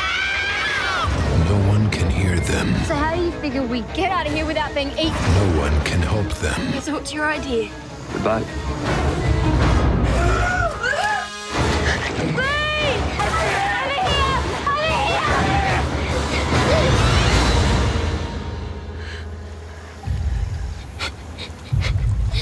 Can you see?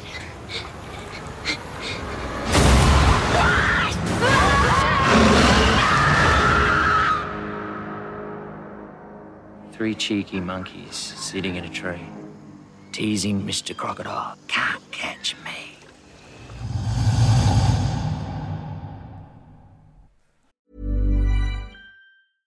Hey, I'm Ryan Reynolds. At Mint Mobile, we like to do the opposite of what Big Wireless does. They charge you a lot, we charge you a little. So naturally, when they announced they'd be raising their prices due to inflation, we decided to deflate our prices due to not hating you.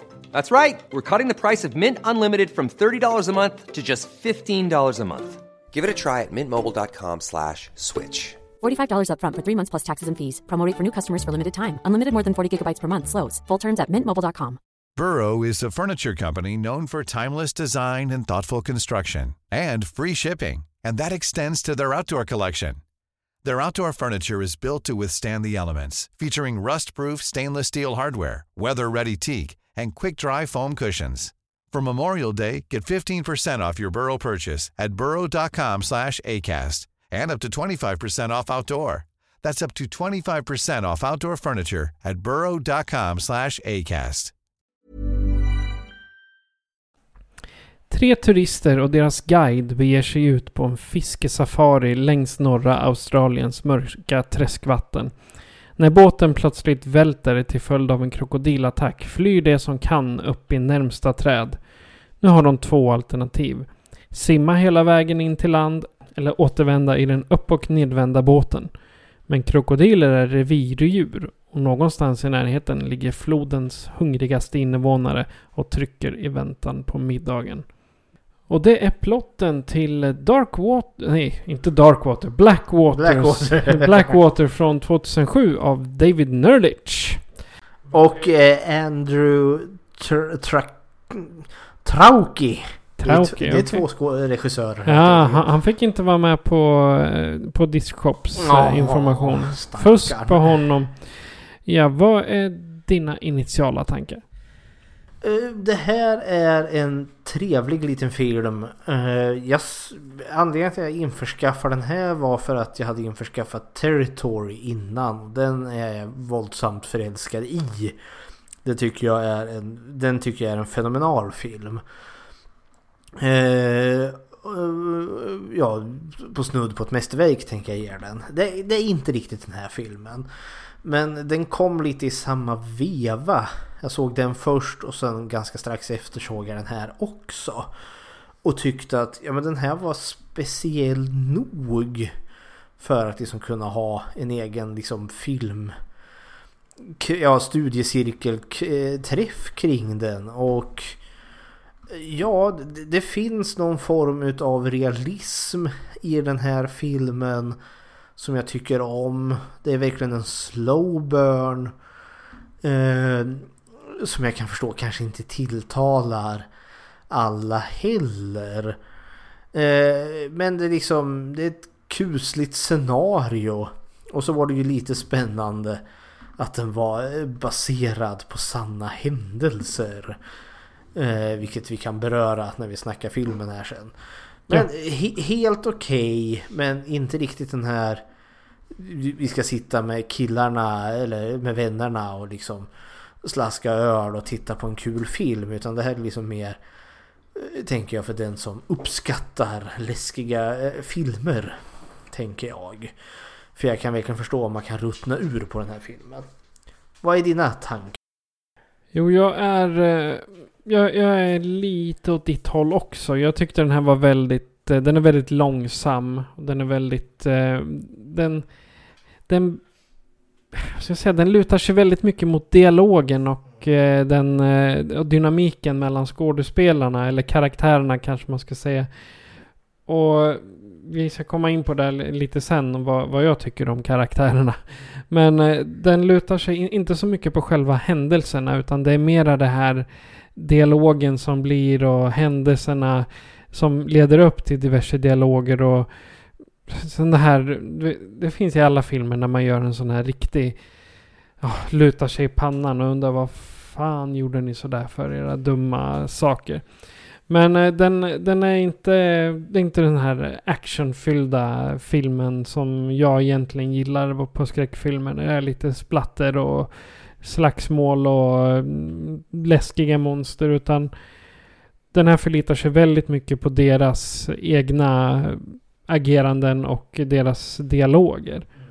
Så att eh, jag säger, det är ingen dålig film som så. Men eh, den är väldigt, eh, den går långsamt och den man måste investera sig i, i filmen. Du kan inte sitta och hålla på med telefonen samtidigt för då tappar du liksom vad, vad, vad som händer och vad varje sak innebär. Vad tycker du om karaktärerna? jo då. Eh, vi har ju förvånansvärt få karaktärer i den här filmen. Eh, vi har ju egentligen mest tre. Det, det finns väl om man räknar med fiskargubben Jim. Så blir de ju fyra men han avpoliteras ganska snabbt i den här filmen.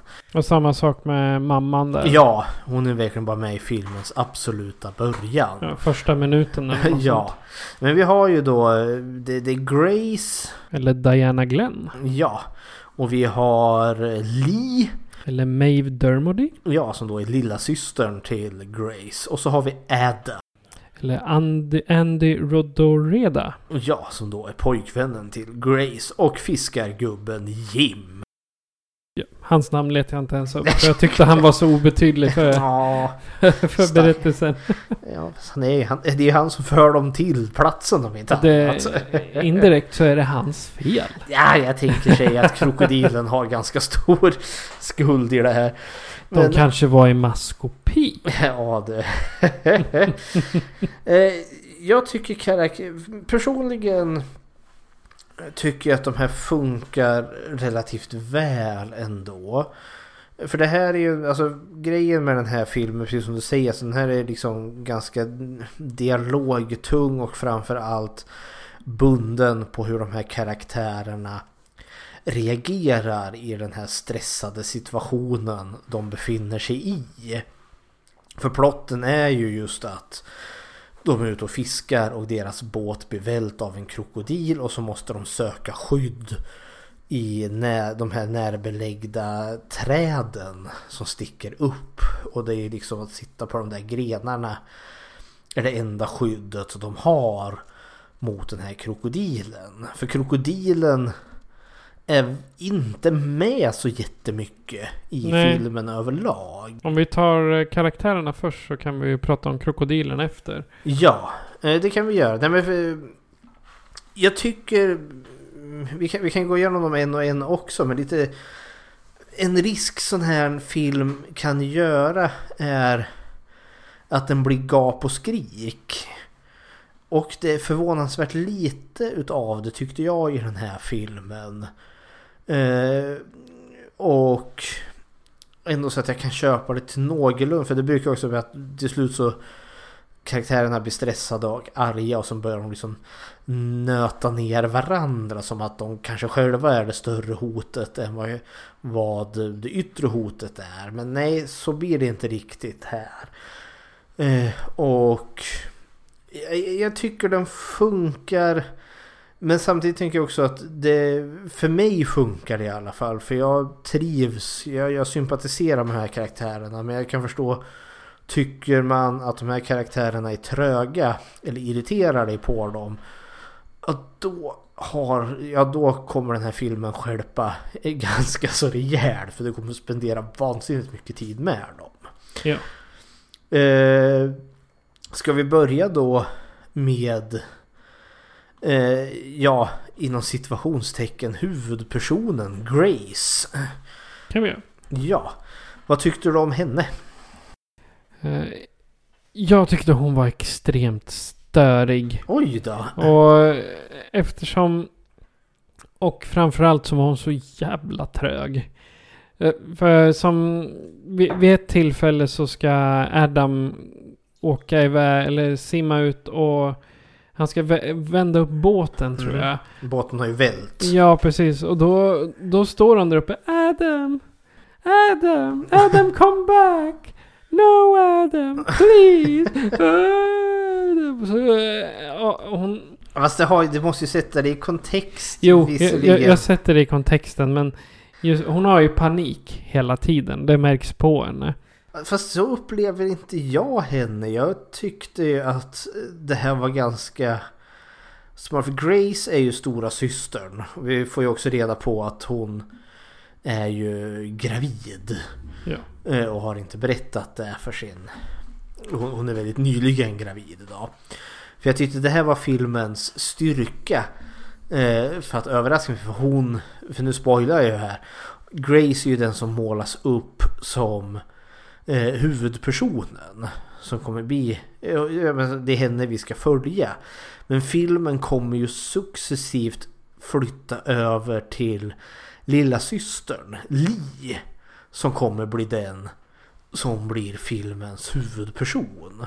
Eftersom att Li, hon är lilla syster som inte behöver ta så mycket ansvar. Hon, hon är liksom den som har kul. Och i regel också Grace blir ju den som, som jag upplever är den som försöker hålla den här trion ihop.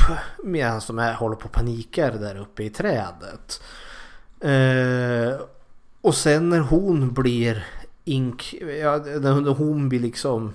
Där hon bryter ner, bryter ihop. Ja, dels ja, och det kan jag ju förstå för spoiler alert, hennes make blir ju dödad av krokodilen. Adam där. Och det köper jag att hon bryter ihop. Men samtidigt så måste, för då, då lutar sig lilla syster Lee hela tiden på. Och Grace får inte tillåtas att bryta ihop för att Lee behöver henne. Men sen blir ju Grace senare så blir hon skadad. Eh, och tagen på så sätt ur spel. Eh, och nu är det ju då upp till hon lilla syster Lee. För plötsligt hamnar allt ansvar på henne. Eh, Och det tyckte jag var filmens styrka. Att eh, den blåste mig lite första gången. Jag trodde jag skulle få följa just Grace resa över hur hon ska lyckas rädda sin syster där. Och så vänder de på steken. Det blir lilla systern som får rädda stora syster istället. Och den såg jag inte riktigt första gången. Eh, Mm. nu är det inte världens superduper twist men eh, jag gillade den där lilla långsamma utvecklingen.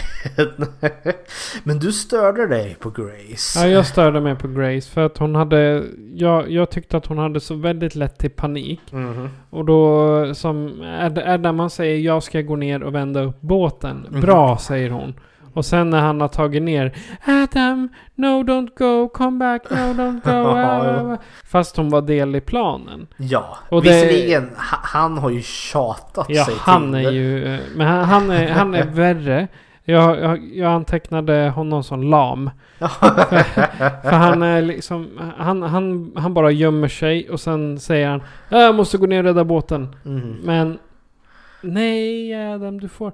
Grace och Adam, de är... När de är tillsammans så är de två... Eh, sådana människor. Jag, jag tycker inte de tillför någonting. Visst, fine, man, man kan vara rädd och så. Mhm. Men Om Grace då ska uppmålas som eh, typ hjälten eller någonting. Mhm. Då har de gjort ett väldigt dåligt jobb Ja, med det. Nej, Jag tycker det, det målas ju lite för det blir... Ja, kontexten här är ju att krokodilen har vält båten. Och båten ligger upp och ner. Den, ja, typ metalleka eller vad det nu är. Ja, den är ju metall. Ja. Eller plåt eller någonting. Och sånt där. Fiskargubben Jim han dödas i första attacken så han är ur spel ganska så direkt. Eh, och han är ju den som liksom har typ sjövana eller något sånt där. Så Lee, Grace och Adam är så storstadsbor som inte riktigt kan det här. Eh, han, för, för Lee och Grace upplever, de vill ju liksom de är så skräckslagna och vi som gömmer oss i träd så väntar vi att någon ska komma och, och rädda oss. Och det är också, de kommer nog snart. Den, ja, de kommer, eh, ja det, här, det här kunde jag köpa till viss del för jag tänkte för deras, de är syskon, eh, systrar, Lee och Grace. De, de vill sitta i trädet och vänta att någon kommer och räddar oss. Adam han vill ner och eh, vända på båten för båten sitter där i vattnet inte för långt ifrån dem för vi förstår att den har fastnat på något sätt i någon stock eller vad det är för den flyter inte iväg. Och det är ju just för, för jag kan liksom också förstå den här frustrationen för de är så nära den där jäkla båten. Eh, Kan vi ta oss ner så kan vi kanske ta oss härifrån. Och samtidigt vattnet är så mörkt så de kan inte se om krokodilen finns där eller inte. Varav titeln på den här filmen Blackwater. Men det är just för att det är en eh, dränkt skog som Mm. gör att liksom, vattnet blir ständigt grumligt. Ja, för det, det har att göra med, med ebb och flod här. Men samtidigt tyckte jag i fi, filmen kom det aldrig riktigt in i spel med att vattnet höjdes eller, eller sänktes. Och det tror jag att det kanske man inte kunde göra med tanke på just Territory. handlar ju precis om det. Precis. Ja, då hade det varit för likt. Hade det blivit en direkt rip-off i sådana fall? Ja, nej men visst. För här är väl det här att det händer inte så jättemycket. För det är ju, båten välts och de hamnar i trädet. Adam vill välta båten så de kan åka därifrån. Eh, Lee och Grace vill sitta kvar Och vänta. och vänta. De kommer ju med någon prim- eh, kompromiss. Där Grace då ska klättra de här träden. För de här träden sitter ju enormt nära varandra. Jag vet inte om det är så träd som växer i träsk eller så svam, swamp trees. Det känns väldigt australiensiska träd. Jag Ja, har ja. aldrig sett något liknande här. Men för de växer ju så nära så man liksom kan gå på grenarna till varandra. Och hon, för det, för det blir ju liksom en nästan 10 minuter lång scen. Där hon liksom klättrar på de här träden. Eh, och liksom inser att den, vi är verkligen ute i ingenmansland. Det fanns en scen som jag tyckte var ganska effektfull där. Då hon klättrar i de här. Och så tittar hon upp i himlen och så ser hon ett flygplan. Ja, just det. Mm. För det ja men det, det var ganska snyggt ändå. För liksom, ja men där uppe flyger tryggheten, civilisationen, mänsklig teknik. Mhm. Medan hon står där i ett träd och har liksom så effektivt liksom blivit berövad alla de privilegier vi människor har. För nu befinner de sig på krokodilens eh, primitiva hemmark. Ja. För liksom, går de ner i det där vattnet så är, ligger, de, de har liksom inga fördelar mot krokodilen. Eh, För att sätta kontext här också, för det är inte djupt vattnet. Det räcker Nej. dem typ upp till midjan. Ungefär. Ja. Men det, liksom, det gör ju ingenting för krokodilen. För den kan ju skjuta liksom fram i vattnet som en... Det går undan. Det går undan. Eh, Men sen blir det ju det här. Det är mycket fram och tillbaka innan Adam slutligen beger sig ner till, till båten och vält, för att välta den. Precis. Eh, och det finns ju, för det, mycket i den här filmen bygger ju Adam säger vid någonting vid ett tillfälle, alltså det är ju Han ger en berättelse Eh, om när hans storebror jagade in honom i en garderob. Eh, och så gömde han sig i garderoben och var livrädd för att gå ut för att tänka att då kommer hans bror ge honom stryk. Och så satt han i den här garderoben i timmar. Eh, innan han slutligen gick ut för det visade sig att storbrorsan hade ju stuckit iväg sedan länge. Så det var bara rädslan som höll honom kvar. Ja, Eh, han försöker applicera det på den här händelsen. Ja, det, han försöker väl också ingjuta lite mod till Leo Grace där.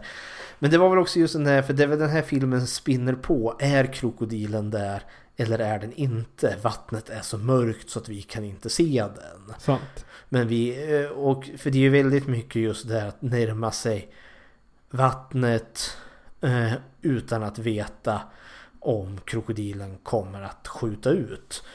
Och jag tycker kanske att det här till filmens fördel att vi får förvånansvärt, eller vi får väl bara en enda gång en klassisk jump scare med krokodilen. Då den faktiskt gör ett utfall mot dem i trädet. När Grace klättrar längs en gren och krokodilen kommer upphoppandes ur vattnet men når ju inte upp. Och det händer bara en enda gång i hela filmen. Ja. För en annan hade förväntat mig som skulle oh, vi går nära vattnet och nu ah, det kommer den. Men den gör aldrig det. Nej, den, kan ju, den är ju inte där hela tiden. Nej. Jag menar, den har annat att göra också. Tydligen. och det tycker jag talar till filmens fördel. Eh, som jag gillar det. Och samtidigt kan jag förstå att man inte... För det, det händer inte mycket. Utan det är väldigt mycket att de är rädda för att gå ner i vattnet. För att krokodilen kan ju vara där. Även om vi nu aldrig får reda på om den är där eller inte. Det är ju det som gör, som gör filmen att de håller på och velar fram och tillbaka. För de pratar ju om pros and cons hela tiden. Alltså, vad är bra Ja. om vi går ner? Vad är dåligt? Vad kan hända? Vad kan inte hända? Ja. Och det är därför den... Det, det, det, det är därför den är lite slow burn. Alltså, Mhm. För du får höra en hel taktikgenomgång först och så går det åt helvete i alla fall. ja. liksom. för min del funkar det men jag kan också förstå om det inte funkar. Men alltså, jag tycker det finns ju en viss för mig realism. Jag tänker om jag själv hade sett i det jäkla trädet. Hade jag nog också liksom vägt fram och tillbaka i absurdum. Jo, jag är det värt att gå ner i det där vattnet eller inte? Men i just ett filmformat blir det aningen haltande. Tacksamt nog, som jag tänker i den här filmen, så får vi inte... ett alternativ hade ju varit att de blir elaka mot varandra, börjar skrika på varandra.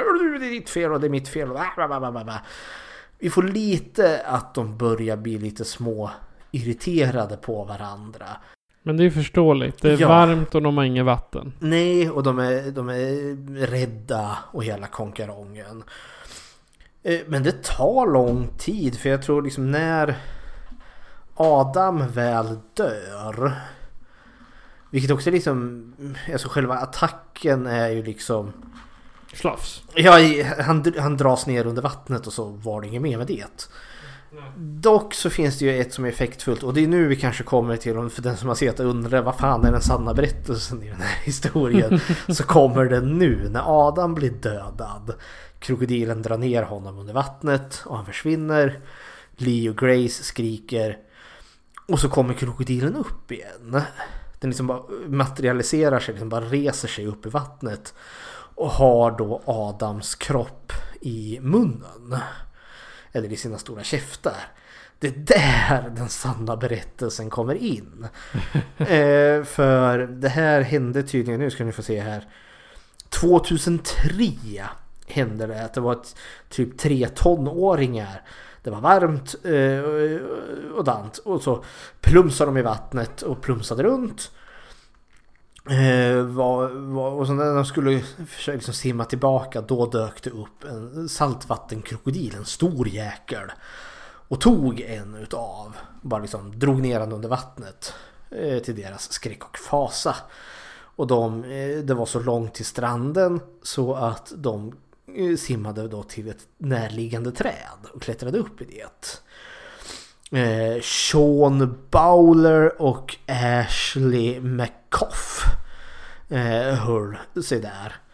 Eh, och nu och medan de satt i det där trädet eh, då kom krokodilen upp igen. Krokodiler dränker ju sina offer regel. Om de inte gör den här dödsrullningen och sliter sönder den. Och då kom krokodilen upp och höll ju då deras kamrats döda lik i sina käftar. Och de såg där liksom till sin skräck och fasa. Och sen vart de kvar i det där trädet i 22 timmar.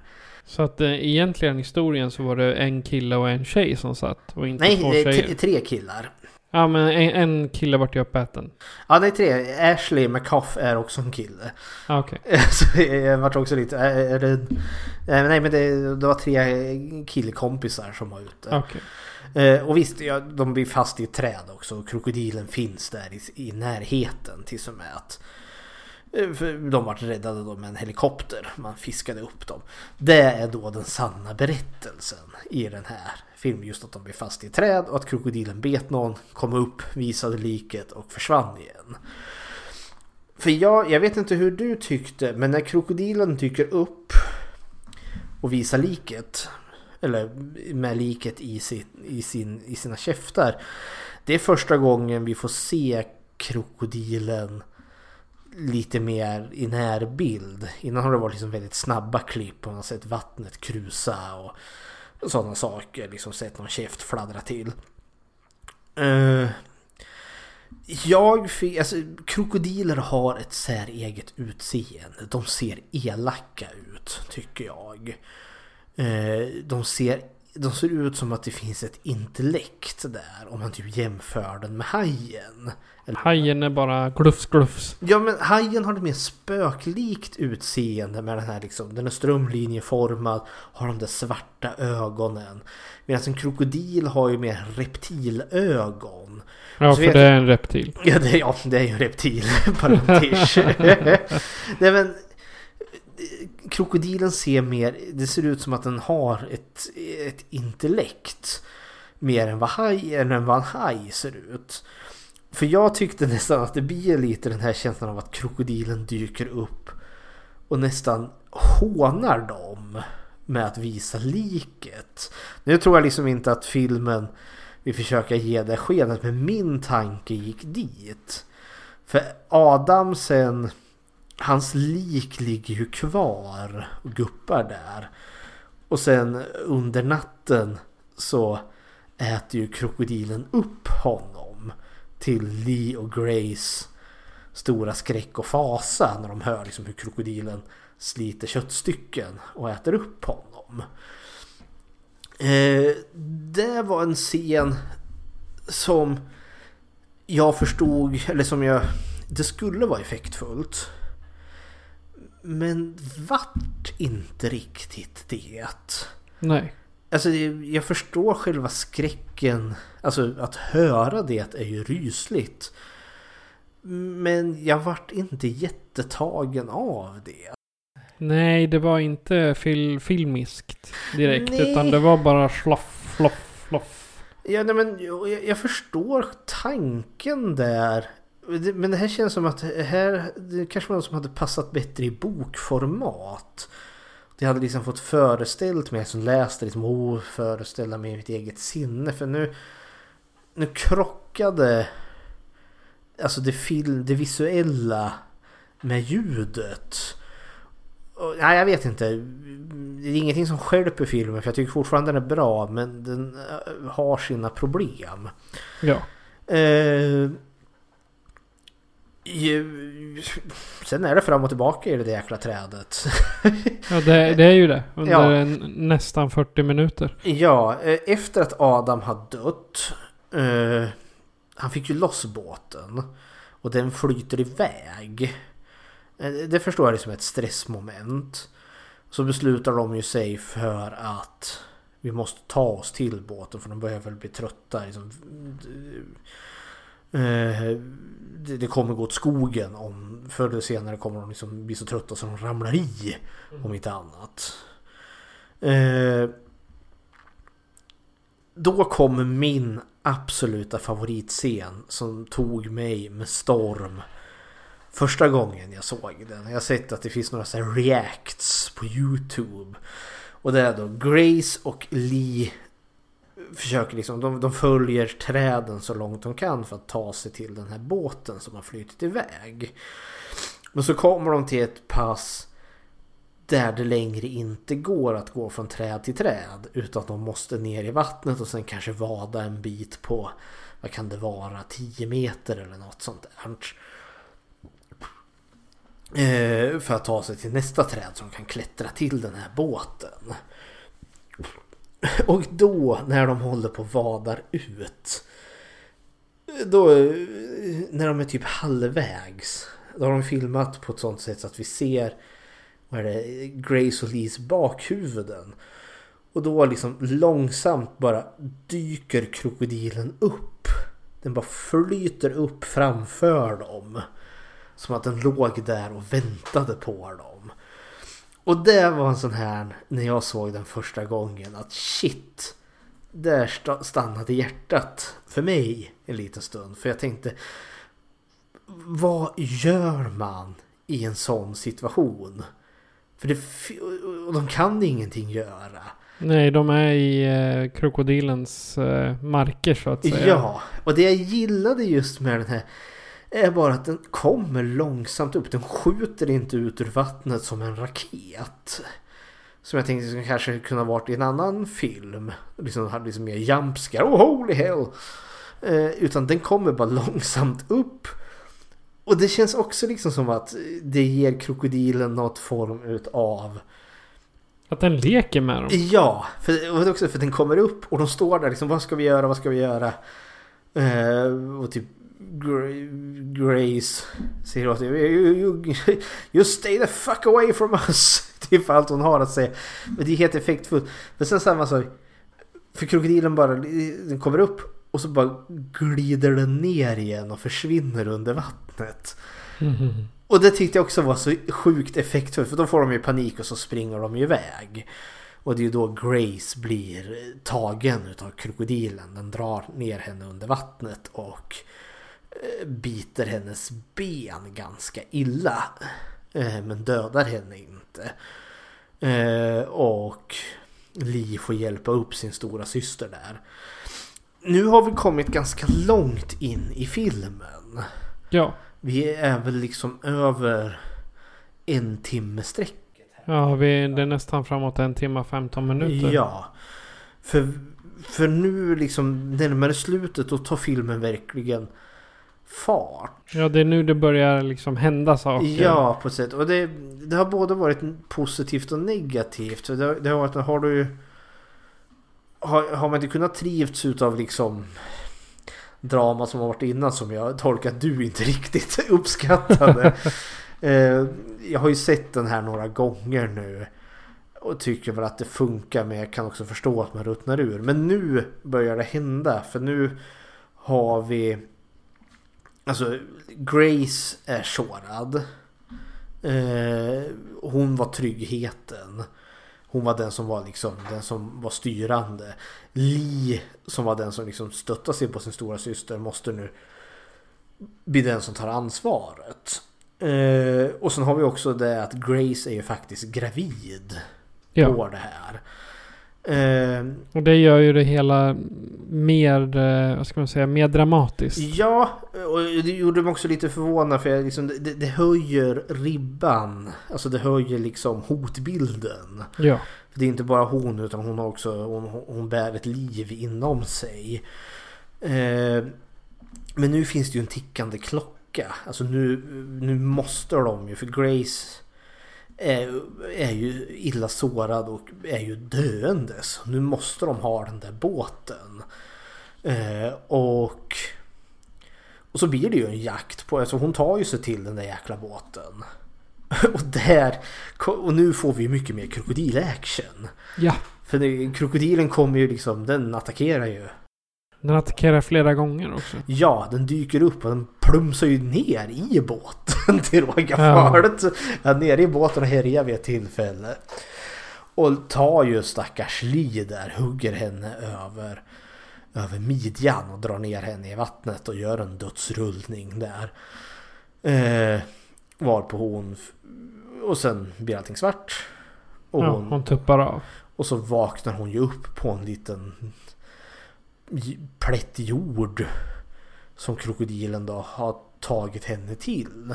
Ja, det är lyan typ. Lyan typ, ja för det, det vet vi ju att krokodiler kan ju, de kan skaffa skafferi. Ja. Ja, de lägger mat på, på hög. Precis som vi gör med våra Ja. kylskåp. Ja, för så det gör den ju i Territory också. Ja, och Bara att där är krokodilen typ tio gånger större. nej, det är ett jäkla lokomotiv med tänder i den filmen. Ehm, och det ska vi nu, vi måste prata lite krokodilen i sig. För den här filmen hade låg budget. Med typ en miljon dollar eller australiska dollar eller vad det nu är. Mm. Det som är krokodilen, eller krokodilerna, det, det är bara en krokodil i den här filmen. Men det är spelad, skådespelad av flera krokodiler. Det är ju riktiga krokodiler. Eh, som man då har klippt in lite snyggt med att liksom, det är ju filmat på en sån krokodilfarm. Och så med hjälp av då just liksom klippa klistra så har de ju då liksom fått in krokodilen senare då i, ja, i redigeringen. För Så att det ser ut som Ja, men- de eh, krokodilerna från farmen. Det är de som är med där och... Ja, alltså det är en riktig skådespelare och en riktig krokodil. Mm. Och jag tycker att det är förvånansvärt effektfullt. För det är liksom, jag ser inte, jag ser inte bluescreenen eller greenscreenen. Nej. För att ha en sån låg budget har de lyckats där väldigt, väldigt väl. Exempelvis de i så närkontakter när vi, så när vi ser krokodilen biter någon. Då är det ju en animatronisk docka Ja. såklart. Eh, men det eh, är en eloge till den här filmen tycker jag. Ja. För sen, nu är vi ju nära filmens slut. Vi ska ha slutstriden. Eh, fiskargubben Jim ligger ju där. Eller hans, vad är det, hans Hans över- un- underkropp. Ja, och eh, överkropp är väl det. Liksom, huvud, armar och ben är borta på honom. Det har krokodilen slaskat i sig. Och tacksamt nog har ju han en pistol.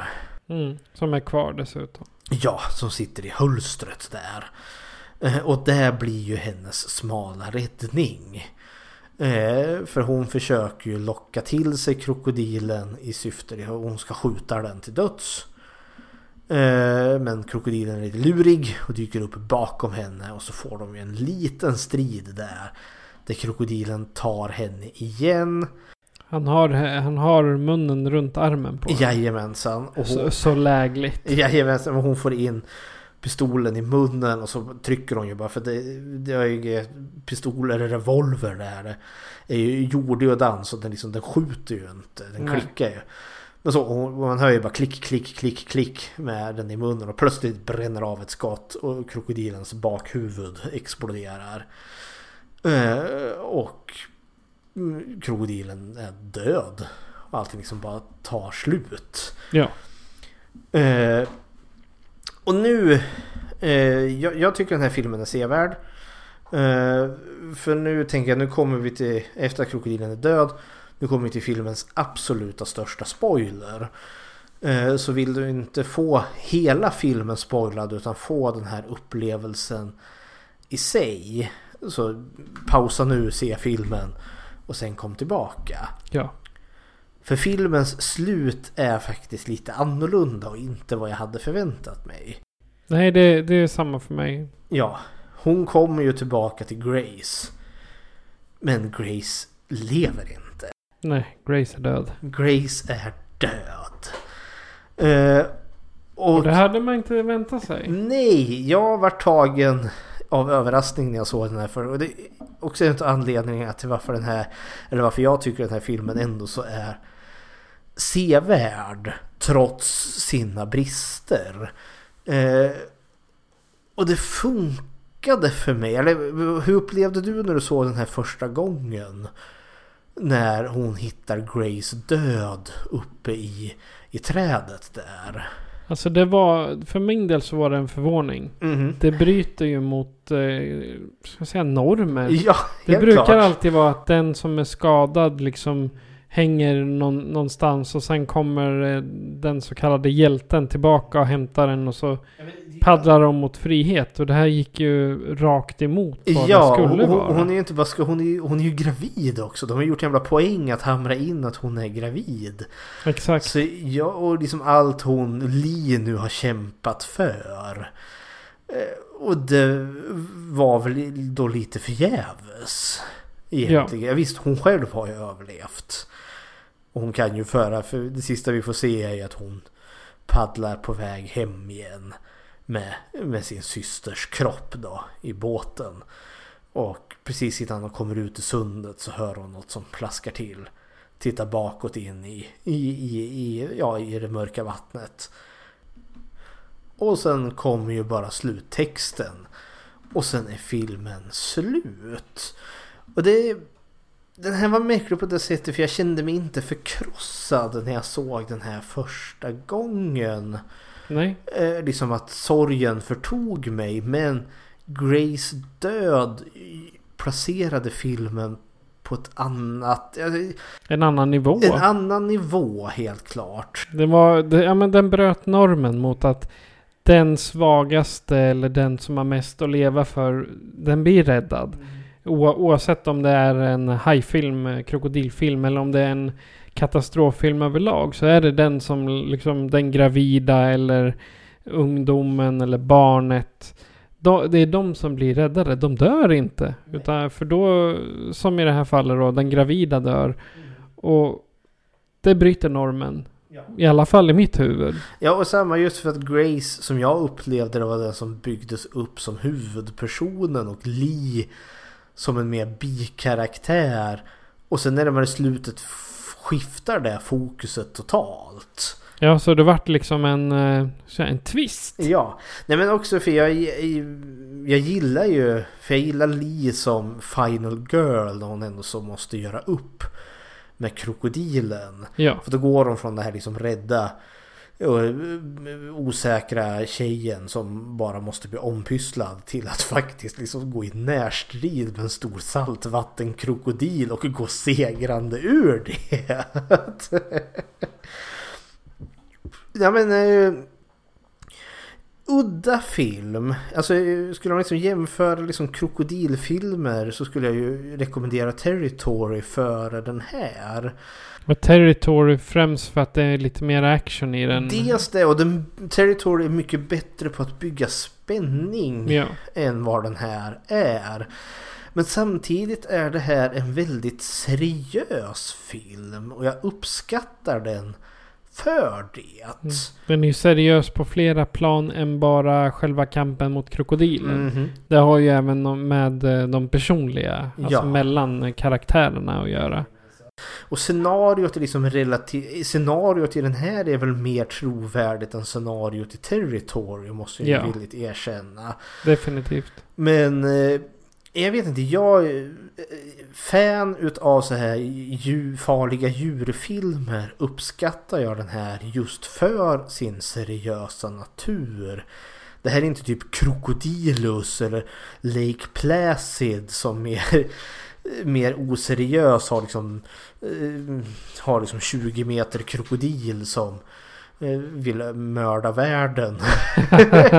Så, eh, ja, nej men jag vet inte. Och samtidigt är det liksom inte världens hålligång-film heller. Nej. Nu tycker jag den här, jag tycker den är sevärd. Åtminstone att se en gång om du gillar. Jag, jag har sett den här kanske nu fyra gånger på grund av skräckfilmscirkeln och podden här. Ja, det här var faktiskt bara min andra gång. Ja, att, eh, Men den, den, är helt okej ändå. Men var verkligen förberedd på en, en slowburn. Ja, det är ingenting man ska titta på om man är trött. Nej, gud nej. Det här måste man vara fokuserad för att hänga med i dialogen och allting för att kunna tillgodogöra sig innehållet. Ja. Har du något Bechdel-test? Jajamensan, det har jag. Och eh, den här Bechteltestet är ju kvinnlig representation i film. Och då är ju då fråga ett, finns det mer än två namn... Finns det två namngivna kvinnliga karaktärer?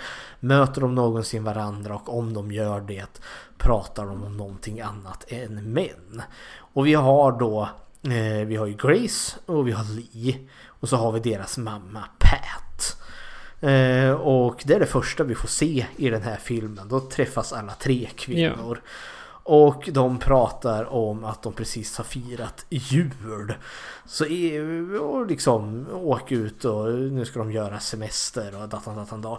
Så inom loppet utav filmens två första minuter har de klarat samtliga tre punkter.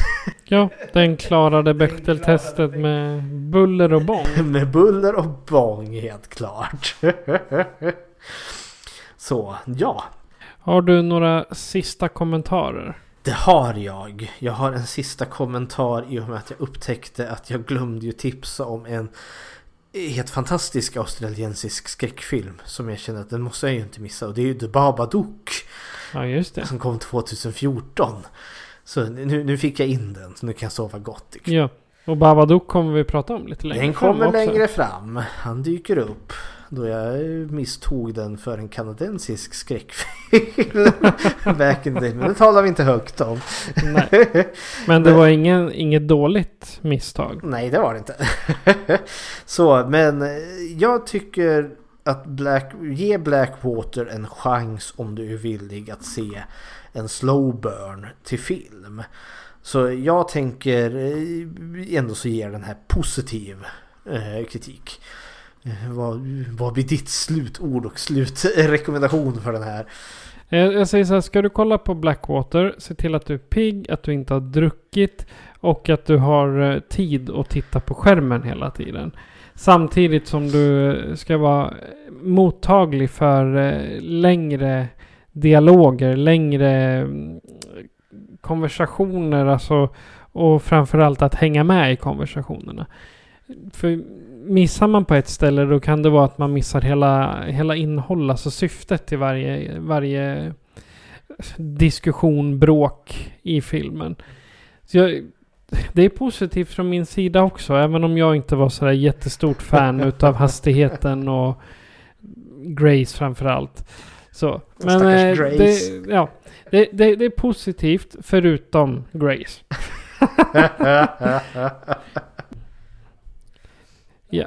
Men om du som eh, lyssnare har någonting att säga om eh, exempelvis Blackwater eller eh, någon annan rolig djurfilm så kan ni göra så här för att kontakta oss.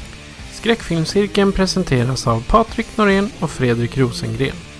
Besök skräckfilmscirkeln.com för att se hur du kan kontakta oss, var du kan följa oss och hur du kan stödja oss. Lämna gärna ett betyg på iTunes, Spotify eller Podbean så att fler kan njuta av våra diskussioner. Tack för att du lyssnar!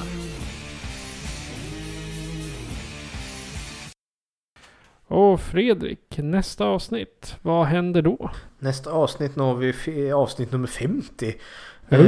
Eh, och då kommer vi ha temat Gore. Var den jag hade. Eh, alltså blod och slafs. Då får vi- Underbart! Får vi gå igenom också vad är skillnad på en gårig film och en splatterfilm.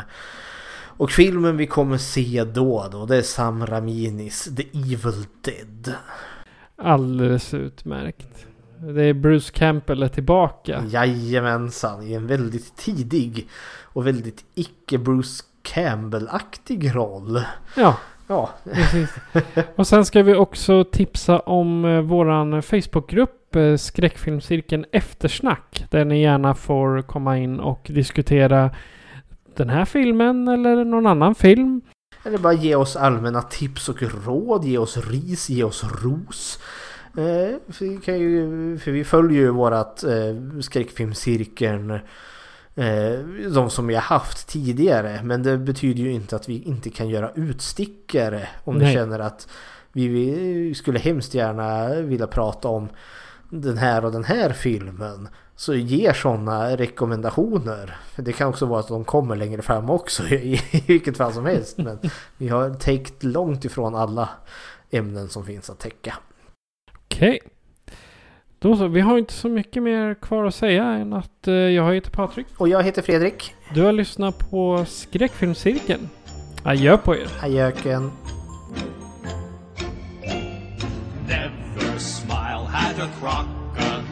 No, you can't get friendly with a crocodile. Don't be taken in by his welcome grin. He's imagining how well you'd fit within his skin. Never smile at a crocodile. Never tip your hat and stop to talk a while. Never run, walk away. Say good night, not good day. Clear the aisle and never smile at Mr. Crocodile.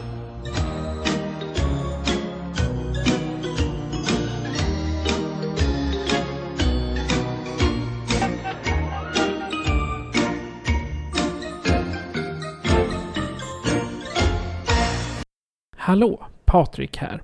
Tack för att du fortfarande lyssnar. Jag har ett meddelande till dig. Vi firar 50 avsnitt nästa gång. Därför så vill vi göra ett litet lotteri på filmen vi pratar om. Det vill säga Evil Dead. Jag läser upp nio bokstäver för dig. S, F, C, F, E, M, T, I, O. De bokstäverna tycker jag du ska skicka i ett mail till skräckfilmscirkeln gmail.com på Facebook, där heter vi skräckfilmscirkeln, eller i ett direktmeddelande på Instagram, där heter vi skräckfilmscirkeln understreck podcast. Om du dessutom lämnar ett bidrag via Kofi, Patreon eller Paypal så får du dubbla lotter. Du hittar hur du kan stödja oss via skräckfilmscirkeln.com support. Tack för att du lyssnar.